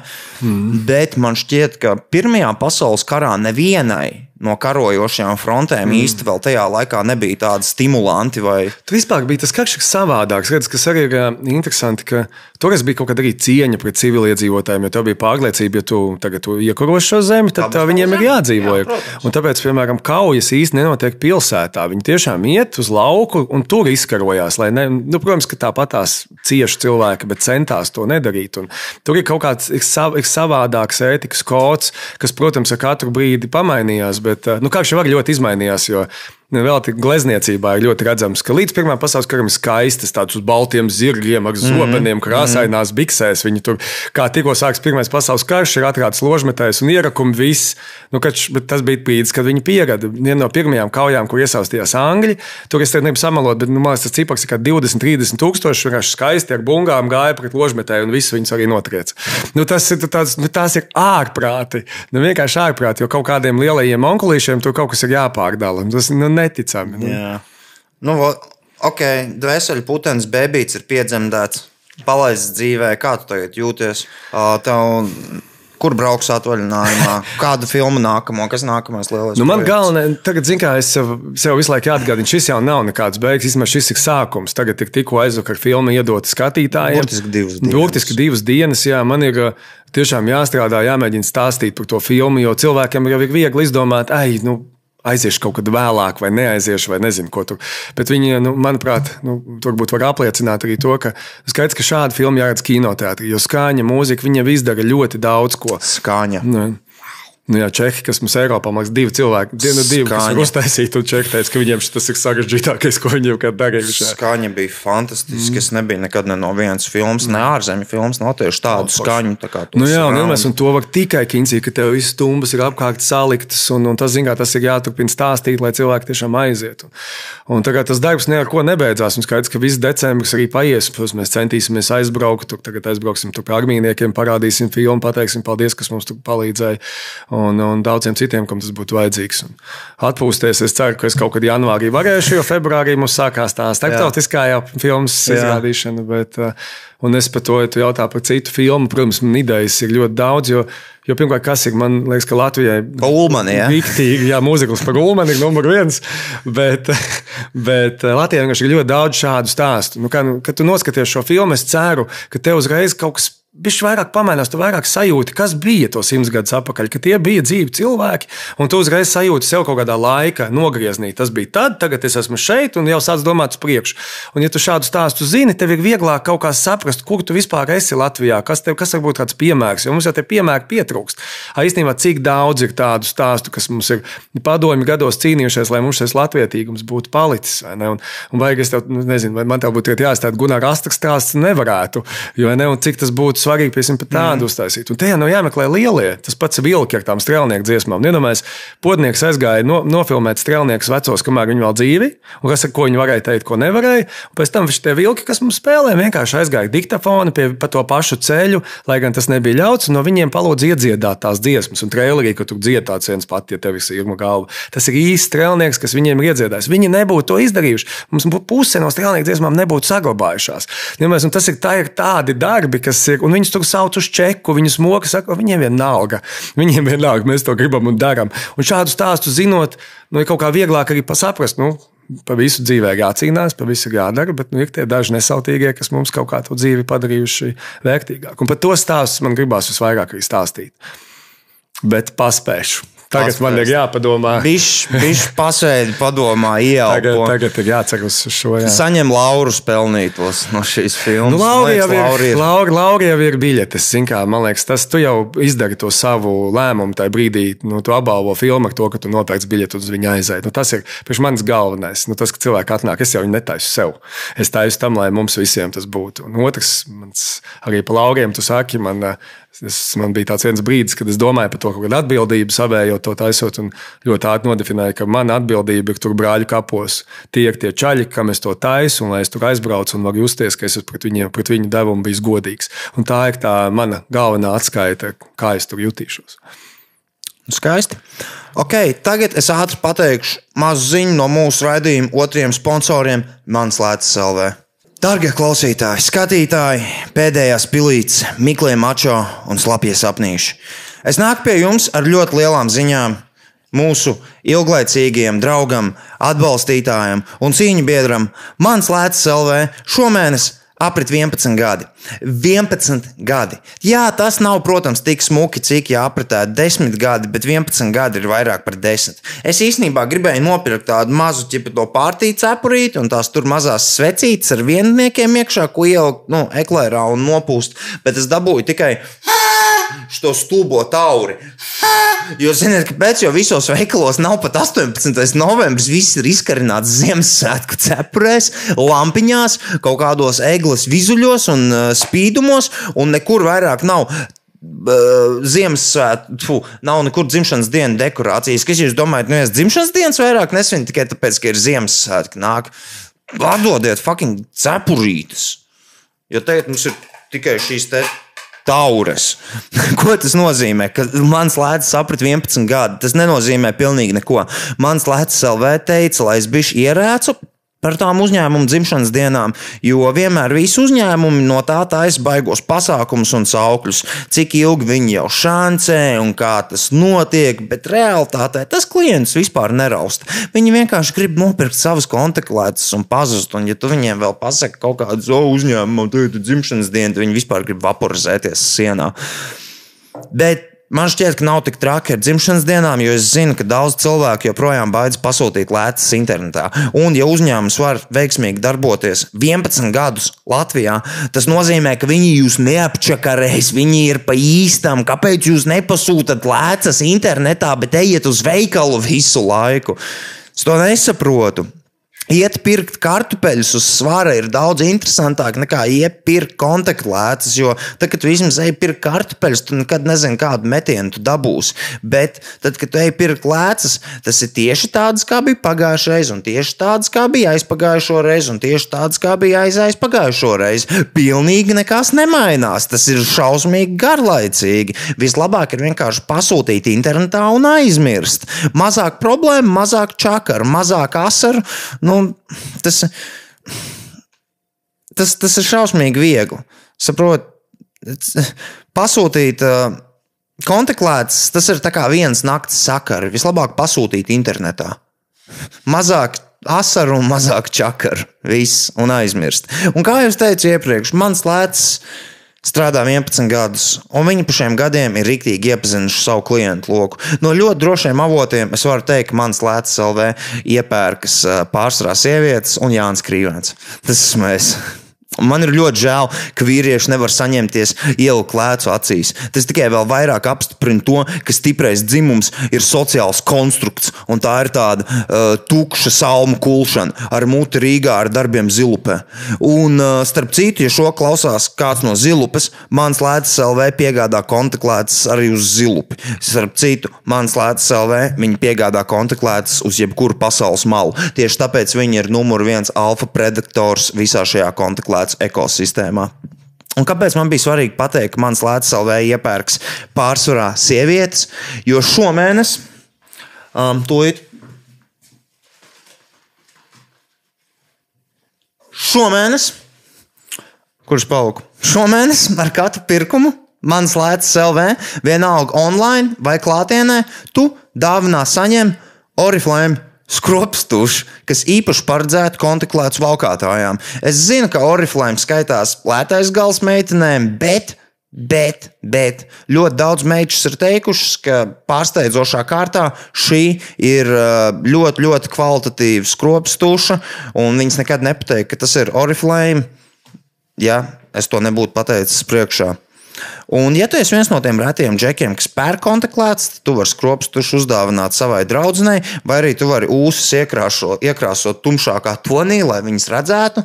Varbūt es to izdarīšu pēc šī podkāsta, jo ir taču novembris un ir jāaudzē ūsas. Un tagad es tūlīt savilkšu kopā trīs svarīgākās lietas par šo mēnesi. Pirmā, mans lēts LV 11 gadu tirgu. Pasūti kontaktētas internetā, viņi jūs neapčakarēs. Otrais, ar katru pirkumu novembrī tu saņem dāvinā šo te skropstu tušu.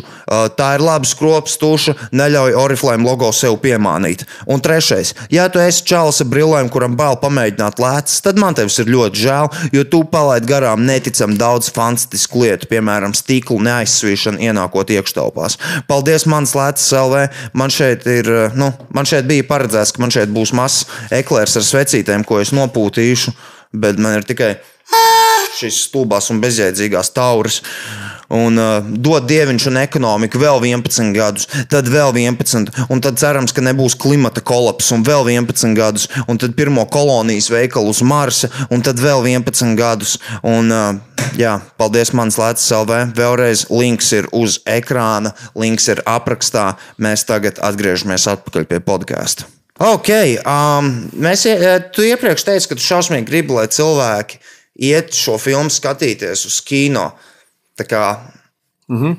Lai iet uz kino, un latvieši vispār maz iet uz kino, un man šķiet, ka pamazām tie kino skatīšanas paradumi, filmu vispār skatīšanas paradumi šausmīgi strauji mainās. Varbūt mm. pat ne strauji, bet pakāpeniski mainās.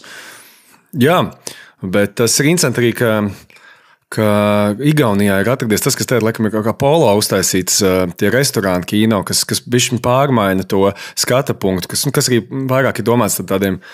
Nu, parasti tas ir targetēts uz tādiem ap 40, kad tev pienāk pēc viņu sajūtas. Bet, jebkurā gadījumā, man liekas, baigi foršā lieta, ka tu jau uztver, ka uz kīnas nevis vienkārši aiziet tur ar popkornu, bet ka tu vari Eh, ka tu vari attiecīgi to ieplānot jau kā tādu normālu gandiņu, kur tu aizēji cilvēku, paēdi, noskaties filmu. Tas tāds trīs stundu pasākums, nevis ka vienkārši to esi. Bet tev ir vēl cilvēki tajā pašā laikā. Jā, jā, jā, tas ir tāds, nu, tomēr kino sajūta, kino sajūta. Tā ir, tā ir cita cita skaņa, cits attēls. Un, uh, diemžēl arī tādā ziņā ļoti žēl tos cilvēkus, kam ir apgādāt kultūras namos jāskatās, jo nu, tur nav tā skaņa, tur nav tas attēls. Man, protams, prieks, ka viņi skatās, jebkurā gadījumā prieks bija dzirdēt, cik daudz jau to ir izdarījuši. Bet, uh, protams, ja ir iespēja, tad tas visstrakākais jau redz, man ir, man jau tur galvenais ir stāsts izstāstīt. Tev ir to box office. Nē, nē, nē stāstu izstāstīt. Tas, zin, kā es jau viņu kā, kā tik redzu, bet tie, kas ir tur pie skaņas strādājuši, nu, tiem tas vispār ir, viņi ar līkumu iet visām tām vietām, jo viņi saprot, ka nekas no viņa darba īstenībā nepaliek tajā, kas ir tajā televīzijā. Jā, jā, tas ir tā kā uztaisīt nenormālu krūtu skaņas dizainu un tad klausīties no laptopa Mhm. skaņu aptuveni. Jā, jā. Pateikt. Neko nevar. Un nekas tur neskan augšs, bet nu, tu jau saproti, pa ko ir dziesma. Jā. klausies, klausies. Jā, jā, tas ir. Wow. Tas ir tāds, jā. Bet um, Netflix. Ir principā tā ir baigo uzvaras gājienu veids. Mm. Nu, vispār streaming servis. Jā. Hulu, Amazon, Netflix. Mm. Mums tā ir tik daudz Disneys, vēl tā ir savējo, man Jā. liekas, kas ir krēsli.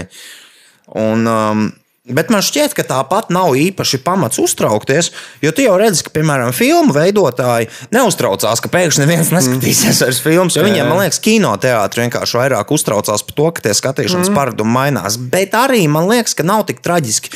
Jo, piemēram, tad, kad parādījās video nomas. Jā. Krita panikā, krita Jā, jā. panikā, kinoteātrī. Nē, nē, neviens vairs nenāks, neviens neskatīsies filmas. Mm. Bet tās lietas savā starpā mierīgi koegzistē. Protams, īpaši tagad, kad cilvēkiem ir tik lieli ekrāni un bieži vien mājās ir visas piecas viens skaņa, un tu vari skatīties ļoti labi, un tev neviens negrauž pie auss. tā kā, Jā, jā, tā jā. kā tas, protams, ka tas viss mainās, un, un man liekas, ka ar- Netflix laikam lielākais prieks ir, ka dēļ viņi ir radušies daudz labi produkti klāt. Nu, ne tikai Netflix, arī HBO, un, un kas ir gan labi seriāli, gan arī tagad filmas, kas ir taisītas tikai, tikai tam. Tāpat ir Roma, kas iznāca pirms diviem gadiem, laikam, es tagad jau visu gadu nojukuši. Mm. Bet, uh, nu, kā nu izcils darbs, un, un tā, tur gan bija tā lieta, tikko viņi uztaisīja tādu lielu, varenu darbu. Tā uzreiz bija spiediens, nu, gribam to redzēt kino, jo tomēr tādu plašu, lielu, kā kara vai tādu vēsturisko, nu, tu gribi redzēt uz lielā ekrāna un sajust. Bet tur atkal pretējais, ja viņi uztaisīs Netflixā, tad neļaujam.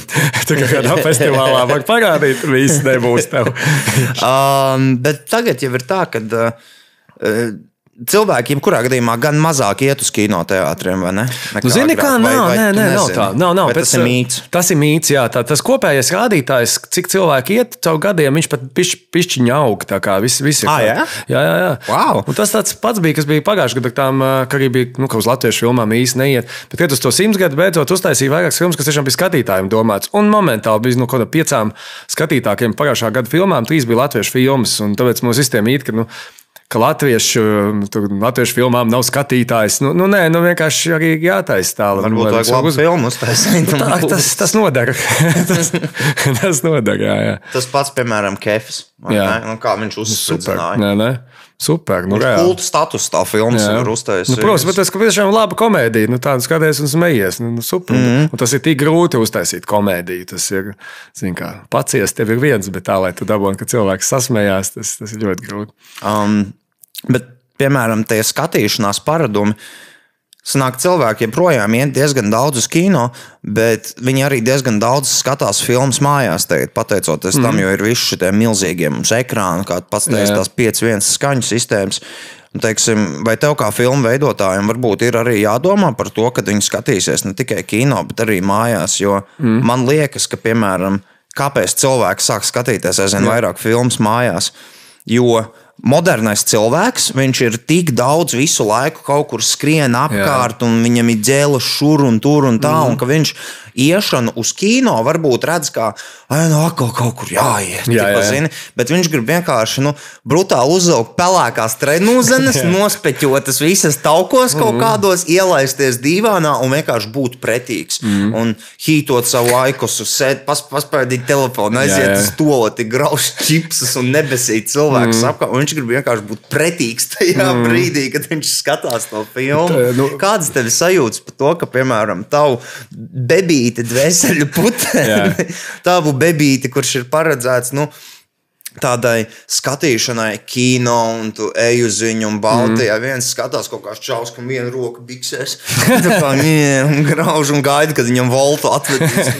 Nē, nu, zini, kā. kā uh, Cilvēkiem ir savi ritmi, un, ja tas ir ērtāk, kas es esmu, lai viņiem pateiktu, dari savādāk. Un man arī nebūtu ne mazāko iebildumu. Protams, ka skaidrs, ka cilvēks sevi apzog ar to, ka viņš nedzird savu pilno skaņu vai to, bet skatās, un tas jau ir projekts. Es arī salīdzinoši diezgan ātri rādītu šādā veidā, bet uh, Latvijā ir milzīga problēma. Redz, ja, ja noplūst terminators, nu, terminatoram īsti nu, tas neko baigi nemaina. Bet, ja mēs palaidīsim tagad kaut kādā šādā, nu, Vimeo piemēram, maksas saturā, momentāli tā ir nākamā dienā filma ir izgājusi un, uh, un, un pazudusi. Un tu- tas ir tas, ko nevar nekādīgi nokontrolēt, un kas ir tas mazo filmu vislielākais uztraukums. Un tad tu vari būt priecīgs, ka tu esi sešu gadus nostrādājis un ko viņi var? Tagad tas ir tas vislielākais, kāpēc to nevar izdarīt ātri.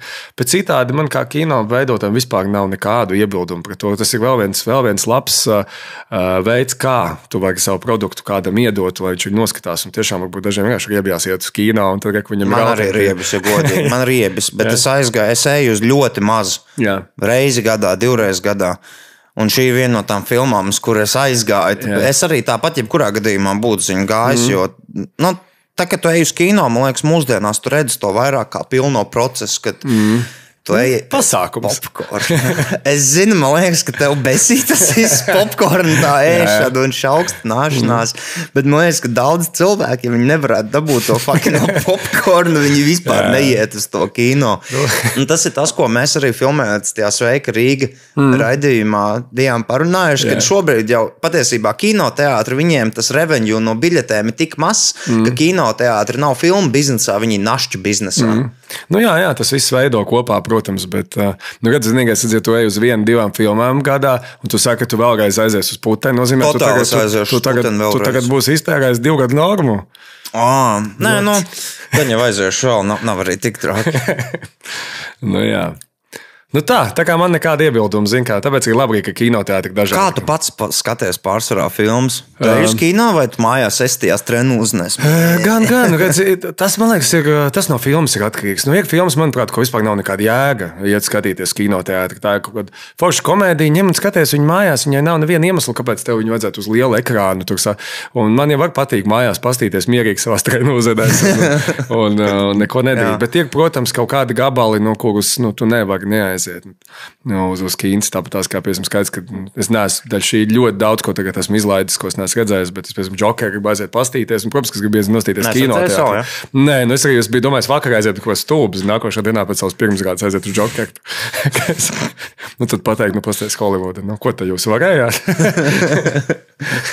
Jā. Nē, protams, tas trēlēks tāds, ka gribās redzēt. Jā. A, a, ko domā, tad tev pašam patīk, ka tagad jaunais trends superheroņu filmas, kad ir overproductions? Zini, kā man- Pilnīgs. man Marvel filmas ļoti sajūtas? patīk, jā, man- patīk jā. Marvels, jo Mārtiņš Skorsēze nesen mm. bija šausmīgi kritisks, ka neviens to negaidīja pret viņām. Viņš teica, tās nav filmas, tie kinoteātris. Tās tie ir atrakciju parki. Nē, es absolūti nepiekrītu, jo.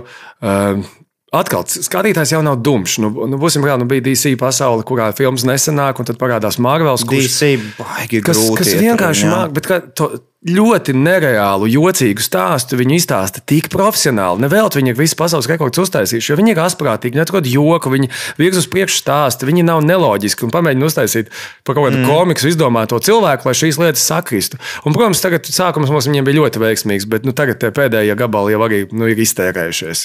Tā kā, nu, man piemēram, es nesaprotu nevienu hype un prieku par endgame. Tas, man liekas, bija diezgan, diezgan neveiksmīgākais viņu, viņu darbs. Endgames man arī, man Jā. Endgames atstāja tādu jocīgu. Mm, gribējās. Tādu, ne šis, ne tas. Nu, jā, jā. Un tā pašā laikā, nu, jā, kaut kas, bet nu, tie iepriekšējā gabalā vairāk bija ļoti izklaidējuši. Un arī tas ir jāredz kino, no to tu pastīties mazajā. Kā tev patīk Spider-Man jaunā inkarnācija ar Tomu Holandu? Zini, man patīk. Man ļoti patīk. jā. Man liekas, viņš ir labākais, kas bijis. Jā, jā, jā. Nu, tas, ne, nu, tas čālis ir īstais. Nu, cik cik tie spēļi bijuši, viņš tur iedarās pēc ir īstais, Arī tas pats naivs jauns puika, bet. Nu, tāds, Jā, jā, jā, bet tāds- ka, Forši, ka viņam uztic, protams, visu. tas, Jā, jā. Bet, zin, kā, man liekas, Latvijā vēl ir labi tas, ka Latvijā nav tie studiju savstarpējās cīņas. Jo, Jā. piemēram, arī Amerikā, kad tur Sony ar Marvel saplēsās un Nē, nu, Latvijā ir beidzis. Zini, kas ir. Nu, Latvijā nu, tas ir tā kā tādā.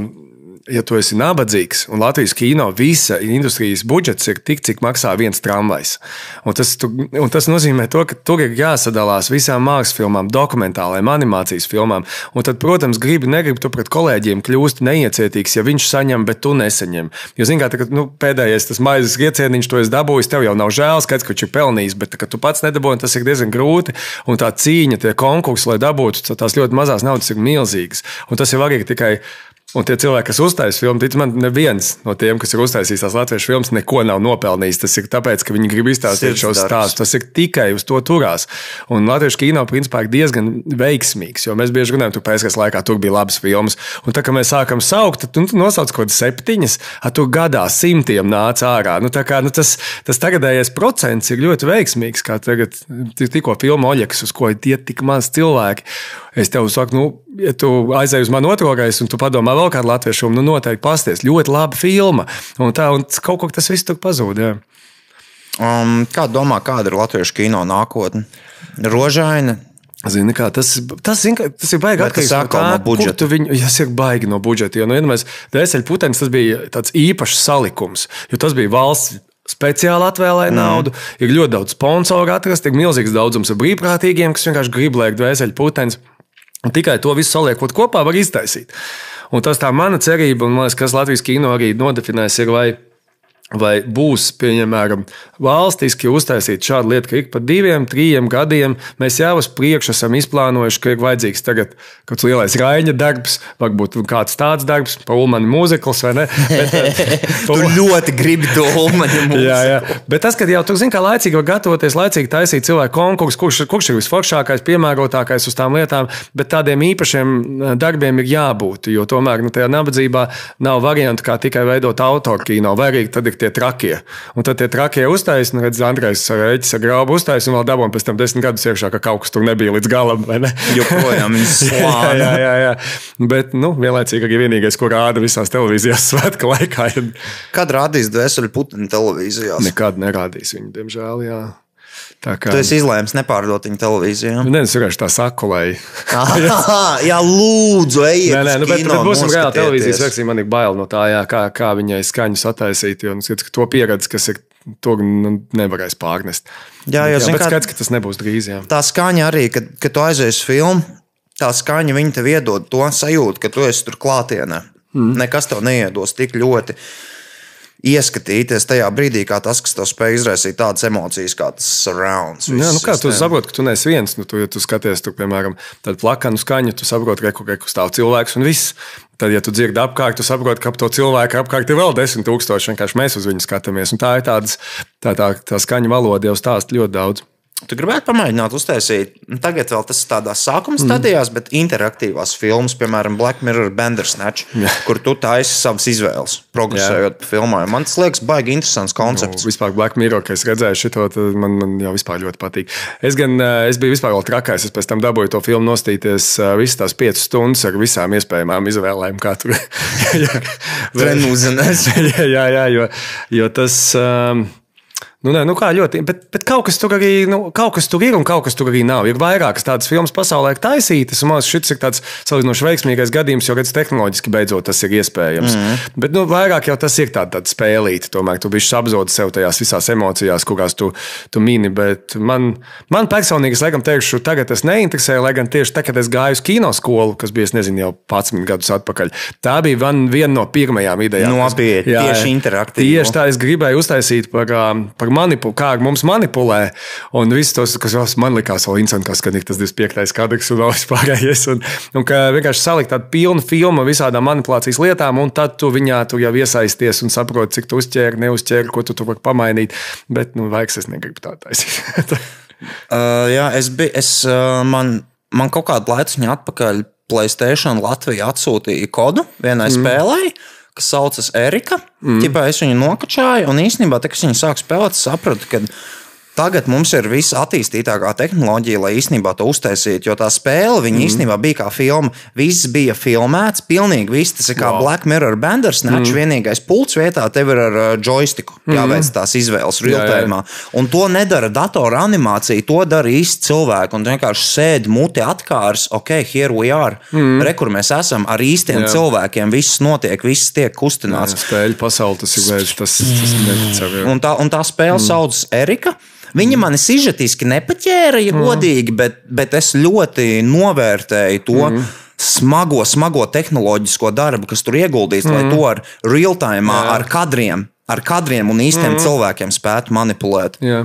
Crazy. Nē, nē, nezinu, tādu spēli. Jā. Nu, es, es esmu vairāk fans visiem šiem uh, NBA 2K un, un tā, Oh. tā, tās, bet nu, tur man par šo UFC. pē- jā, par to pēdējo man bija vilšanās. Viņi tagad izdomājuši tā, lai vienkārši tu katru gadu pērc jaunu un tu pavadi visu laiku tā kā izējot un iznākot no durvīm. sports upuris. IE sports upurs, jā, tieši tā. Fucking IE sports. Jā, IE sports. Oh, uzvelk vienkārši katru reizi. Zagļi viņi ir. Um, par filmām, pats, ko es tev vēlējos vēl pajautāt. Labi, pēc tam gan jau atcerēšos.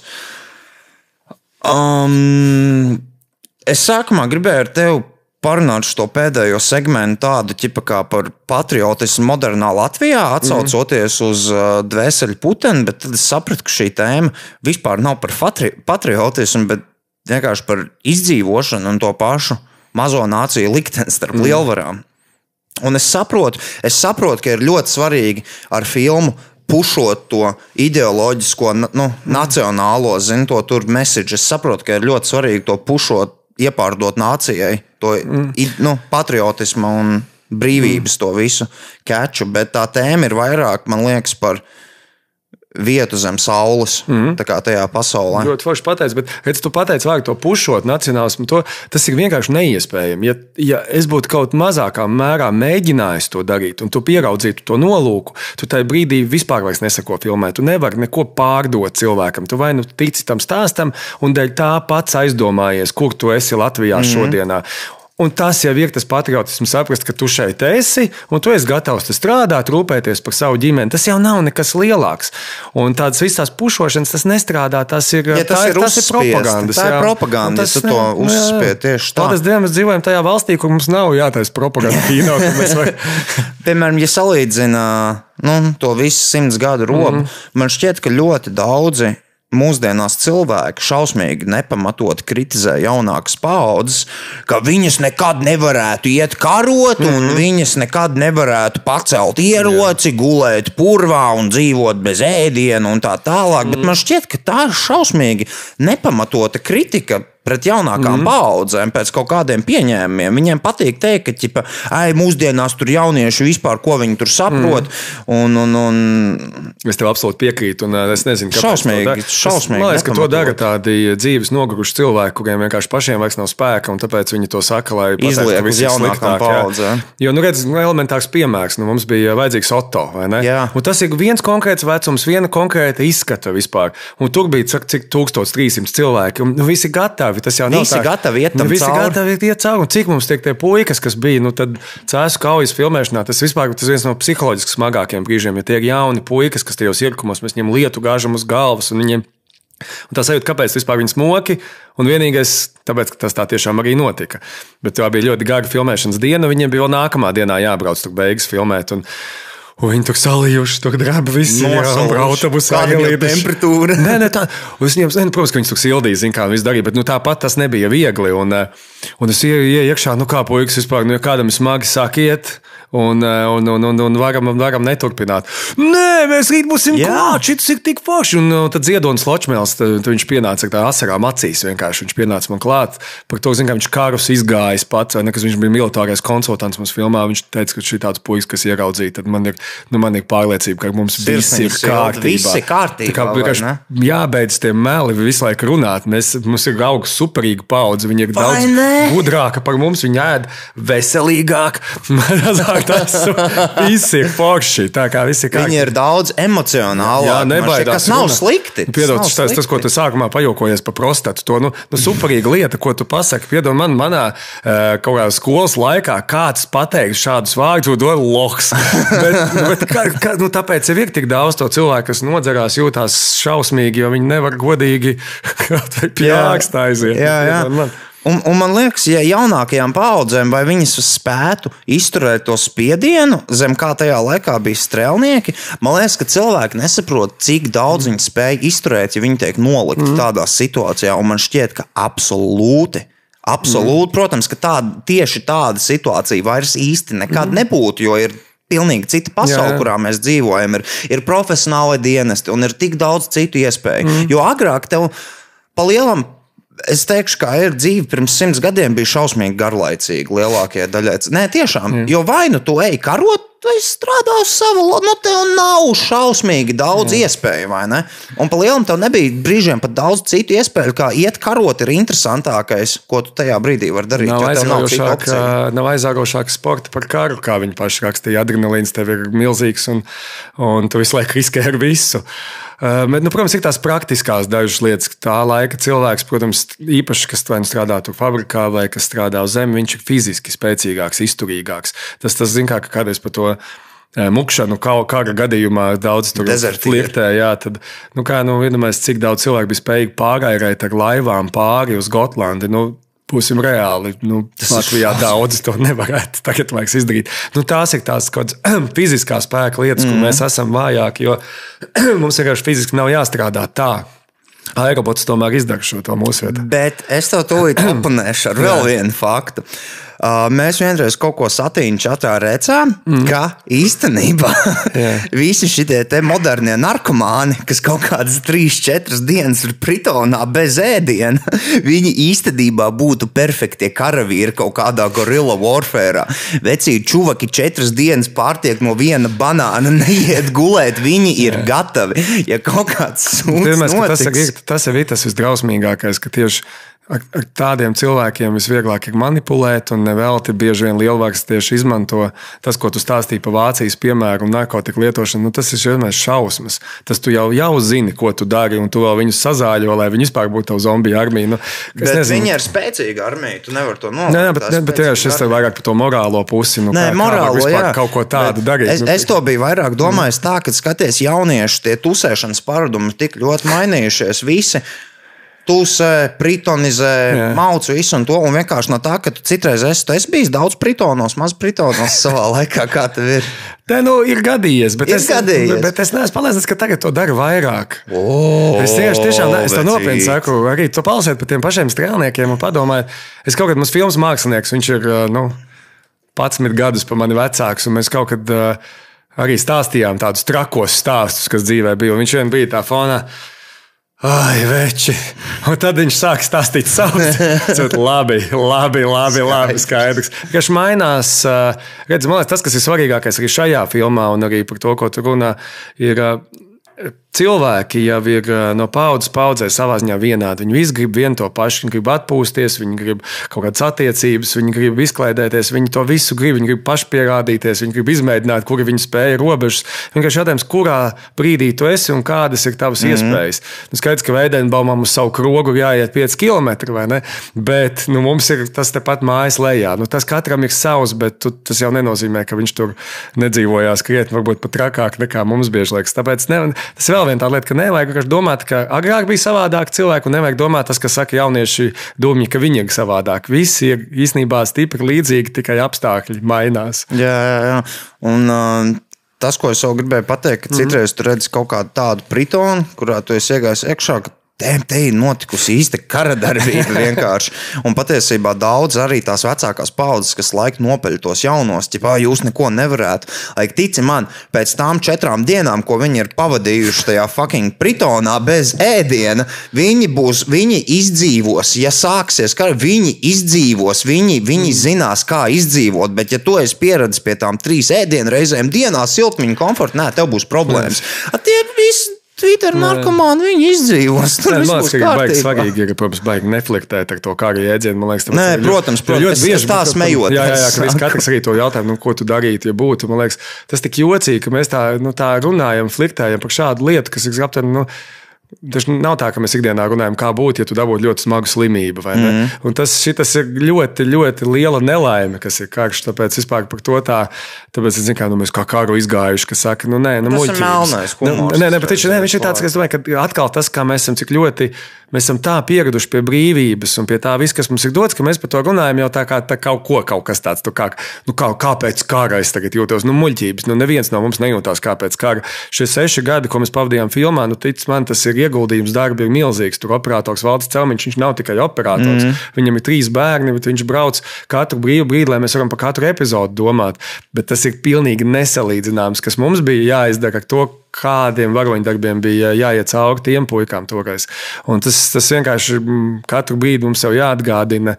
Ka jebkuras mūsu grūtības ir nesalīdzināmas ar to, un tāpēc viņi ir jānovērtē un jāsaprot, ka šis ir tas mantojums, ko viņi mums ir atstājuši. Un tā jau ir tas mūsu laiks, tās jau tās mūsu cīņas, kāda mēs veidojam to Latviju. Mūsdienās katram ir cita cīņa. Nu. Tev ir daudz iekšējo cīņu. Bet redz, nu, redz, redz, tu pasaki joku par prostatu, un tas uzreiz, pieņemsim, izcīna kaut kādā ziņā Latvijā. Man nav prostata, ja kas Nē, tas nē, ir. viss kārtībā, neuzskats. Nē, pat ja tev ir, tev viņa ir liela un laba. viss Jā, nē, labi, turbūt ir tāda joka, ka tu pamaini kaut ko, ka cilvēki par to jau runā brīvāk. Man liekas, tas, Un ko tas mēs tas, runājam kas vienā no iepriekšējiem podkāstiem ar komiķu Kugrānu, Jā. kad, tad, kad tu sāc par kaut kādām lietām jokot, tas nozīmē, ka tu viņus esi pieņēmis, tu esi desensified uz viņiem. Jā, jā, tas Mēs ir. jā. esam jokojuši par lopu vagoniem, mēs mm. esam jokojuši par. Nu, mēs mm. par to esam Jā. jokojuši. Jo Katra, nu, teiksim, Kugrāns stāstīja, oi, tā kā es pastāstīju kaut kādu joku par tiem Sibīrijas tipa lopu vagoniem, mm. tur kāds skatītājs teica, kā tu uzdrošinies, mm. man ģimenē bija tas. Jā, man arī. Tā kā man arī tā kā visiem bija tā kā get over it. Mm. Ir, jāspēj, jāspēj, jāspēj protams. pieņemt. Tas mēs bijām skuteļu šovu un arī un skaidrs, ka grūti, jo kā mēģinām jokot un karš un viss šīs tēmas ir tādas ļoti slidenas. Tas nozīmē, esi pieņēmis. Bet tas ir jādara. Nu, mums Tas tiešām jādara. mums ir jārunā, Jo jo, tas nav sevi pasmieties. Jā, tieši tā, jo, ja tu par to runā vairāk, tu viņā vairāk arī spēj iedziļināties, vairāk saprast. Un, piedod, man strēlnieku joki bija daudz un dikti. Daudz var pateikt, viens. Ai, nu es tev kaut kā par tām gāzmaskām, ko izstāstīju. To, nu, tu, nu, nu, ņēmās, jā, Strēlnieki nu, tā. piedūrās, viņi Nu, bija rēcīgi. Nu, Tas, tas arī tev bieži tas stāsts arī ir tāds, ka tu trakākā kauja un pēc tam tur ģenerāļi brīnās, nu kāds, nu nevis ģenerāļi, kas viņiem tā augstākā pakāpe, kas var atnākt tajā brīdī no tuvākie, kas pasaka neticam, nu kāds var būt, ka viņi, ka vienkārši viņi vēl joprojām kaut mūžu garu tur kaut ko jokojās, ņemās, jo kā vēl Mhm. tu tiksi tām šausmām pāri. Un tas ir tieši pats, ko mēs runājam. Jokojies, lai tiktu pāri šausmām un Tieši par to tā. Izdarīt savādāk. Nu, kā katrai strēlnieku dziesmai blakus ir upjā versija. Ir viena, ko viņi dzied vienkārši, un tad ir tas, ko viņi dzied, ka viņi čaļi palikuši paši. Nu, zin, tas vēl kaut ko liecina. Nu, protams, ka viņiem bija tā, ka viņi tādas īpaši rupjās dziesmas dziedāja. Nu, piemēram, ja tev ir tāda neizdevusies kauja bijusi, un skats, tu atgriezies pilsētā pēc tā visa, un, protams, tās sievietes pa logiem skatās, un viņi negrib, lai viņas tādas redz, un tad viņi mauc tās rupjās, un tad skaidrs, ka visas tās saimnieces taisa logus ciet, lai tomēr, lai uz viņiem neskatās. Ja, tā, tā kā, nu, tur, un tā, kad es tiešām man bija tie izpētes periodā, nu, ko nozīmē rupjās dziesmas, kā varbūt pēc mūsu pāraukliem tas jau ir nu, Nekas nekas. īpašs. Un Jā, tad- bet tu esi klausījies satīnu un veivī. Tas nav rūpīgi. Es tev pārsūtīšu. Es tev pārsūtīšu. ta- satīnā. Nē, nē, es, nē, es tev pārsūtīšu to. un- un Tā Tad, tad es izlasīju, kādas ir viņa rupjās versijas. Okay, skaidrs. Varbūt mēs Nekas varētu kaut ko, piedomāts. varbūt mēs varētu interpretēt kaut ko repetekstiem. Es domāju, drosmi tev, ja tu to tiešām nodziedātu un palaistu. Nē, Pārsūtīt man pēc tam off Pārsūtīšu Okay, tas, ko es gribēju pateikt, noslēdzot šo tēmu, ir, ka nu, jaunieši nav stulbi, vāji un izlapuši. Mm. Un, man liekas, ka vecākām paudzēm tās problēmas, kas bija pirms simts gadiem, tagad ir citas problēmas. Un vienkārši internets spēja radīt ļoti mānīgu priekšstatu oh, jā. par cilvēku. Šausmīgi mānīgi. Mm. Man liekas, ka tikai pēc tā, ka nu, cik citreiz tur kāds internetā kaut kur pačīgs, ja pirms simts gadiem būtu bijis internets, tāpat cilvēki pačīkstētu, nekas jau nekas mm. nemainītos. Bet, bet, bet, jā. Es domāju, ka jaunieši mūsdienās ir spējīgi uz ļoti, ļoti, ļoti daudz lietām. Mm. Noteikti nevajag tā kā, kad ir pa kaut ko sliktāku vai kaut kas tāds. Viennozīmīgi. Um, es biju nesen Twitter rakstījis, joka pēc, ka, ja balstiesības iedos 16 gadniekiem, ja domas Jā. vēlēšanās, tad tur iekļūs influenceri un YouTube. Bet es smējos, tas bija joks, jums to Jā. vajadzēja uztvert kā joku, ka man jaunieši nav fucking stulbi. Jaunieši ir bieži vien gudrāki par Mm. tiem pašiem 40 plusgadniekiem. Jo, piemēram, ja tu skaties pārsvarā, kas šēro viltus ziņas, visus fake news, tie kaut kādi 45 gadnieki, omī tests, net tur, o, jānošēro Mm. ziņas. zini.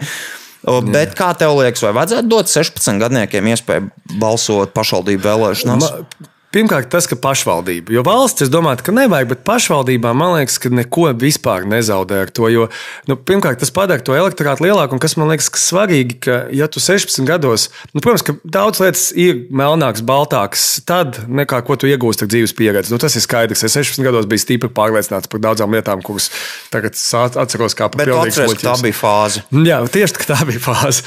Bet uh, ko tas izdarīja? Nu, Es domāju par sevi, ko es 16 gados gribētu uzlabot savā purciemā. Un pavisam noteikti tur bija vairākas lietas, ko varētu uzlabot. Nu, kā tas gribētu būt basketbola grozs, tas, kas policists tagad pie skolām, nu, mums 90. tas tiešām būtu noderējis.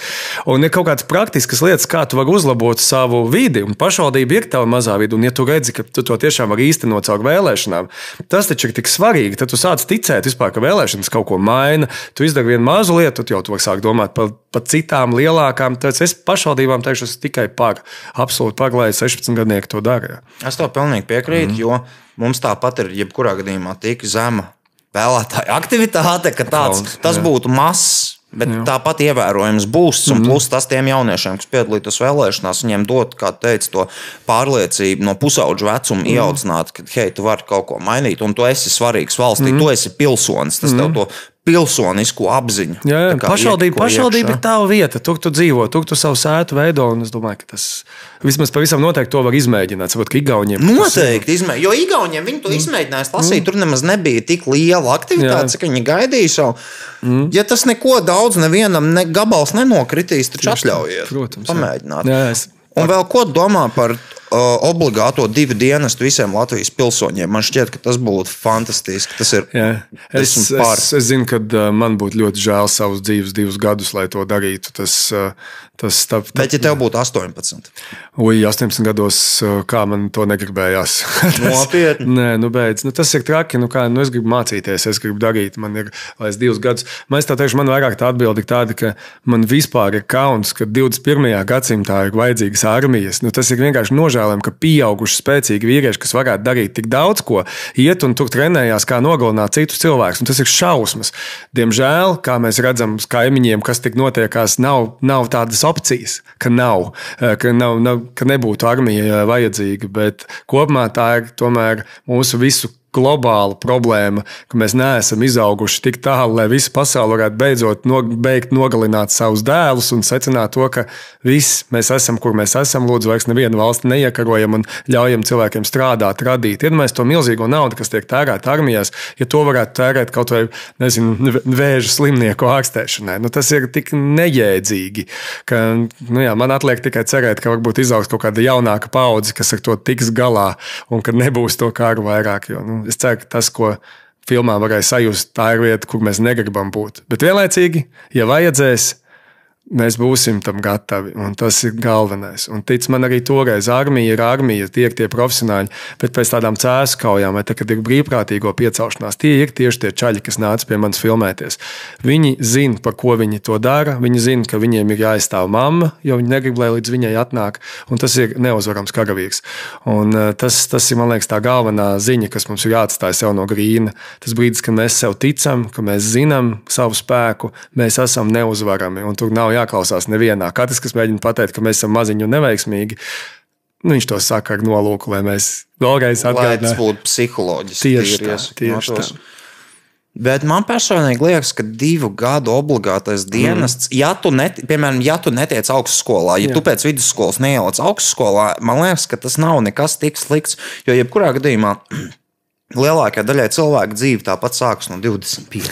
līdz kā, visi okay. domā, ka, oh, jā, es pabeigšu vidusskolu, nu tik būs lielā dzīve. Viss tas nē, nu, huņi, tā viss ir, viss ir slikti. Kā nekas nav labi, tas ir šausmīgi grūti. Un man liekas, ka cilvēks, īpaši čaļi, varbūt neko.